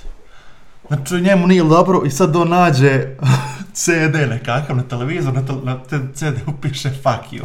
I on to upaci u, u televizor i nekakvi su kinezi, sad njega snimaju, on spava tu noć. I kinezi su ubrizgali nekakvu drogu, ne, ne, mislim da zove nešto Hong Kong nešto, ta droga zove. Problem kod te droge je što na tebi postepeno ti umireš i usporava ti rad srca. Jedini način da preživiš je da konstantno tvoje tijelo proizvodi velike količine adrenalina. I on čitav film trči, čovjek. Čitav film trči, tuče se. A, lik, znači, sad ja ovo moram odglumit. Lik je upao u taksi. lik, prvo satro pola shopping centra, gdje je od ulici. Upao u taksi, nekakav Arap vozi taksi, znaš kako to uvijek filmima, Da, da, Pakistanac vozi, migrant vozi taksi. I lik, znači, ovako se drži, drži se za sic, ima napad, znaš, sad njemu je slabo, ovako bluri onaj flashbang efekat. Ovako, ček, viče, gdje pojačaj radio. I ovaj pojačava radio, čovjek se drži za prednji sic i ovako. I čovjek je, znači, kuca u srci dobro. Lik ulazi u apoteku da bi uh, uzeo epinefrin. Epinefrin pospješuje rad adrenalina u tijelu. I on u toj apoteci red čeka i on kaže, treba mi epinefrin, viče njemu uh, apotekar, ne možeš kupiti epinefrin ako nemaš recept. I on kao nešto je to njemu sumnjivo, zašto to njemu treba, to kao droga nekako u Da. suštini. Chester Bennington iz Linkin Parka glumi cameo, ima u tome film, kaže, brate, uzmeš neš šprica za nos, u, u tome toga ima. Se čovjek trči kroz bolnicu, oni špricama, za, za, za nos, ono, za pročišćava onakva maris. Čovjek trči, ono, sebi šprica, našao onoga, našao onoga, kako zove, medicinara uzeo onaj defibrilator, ošno se lansirao se čovjek u onaj, u, u lift, oš, znači, film je jedna od najjačih stvari na svijetu. Ima drugi dio. Drugi dio lik isto tako. A film završava tako što, ovaj, on se tuče sa tim što mu je njemu stavio tu drogu, tuče sa njim u helikopteru. I njih dvojice ispadnu iz helikoptera i tuku se dok padaju bez padobrana. I Jason Statham njega ubije i sad on pada. Znači fake, onaj jeftini green screen. I sad Jason Statham pada, onaj green screen prema njemu ide, onaj New York. Čovjek zove ženu. Pada sa 5 km, u nebu zove ženu. Zove ženu da će zakasniti kući. I čovjek pada na auto. iskrha auto i pade na zemlju i kraj filma. Drugi dio filma počinje, ljud njega lopatom dižu, za, odlijepljuju ga od te zemlje. I čovjek ide, mora sad opet ovaj, srce da mu proradi, uzeo one kleme za auto, kad puniš akumulator, stavio sebi na jezik, a ovaj vam uturira nekakvim ustem. Znači, taj film nije normalan. Znači, to je najbizarniji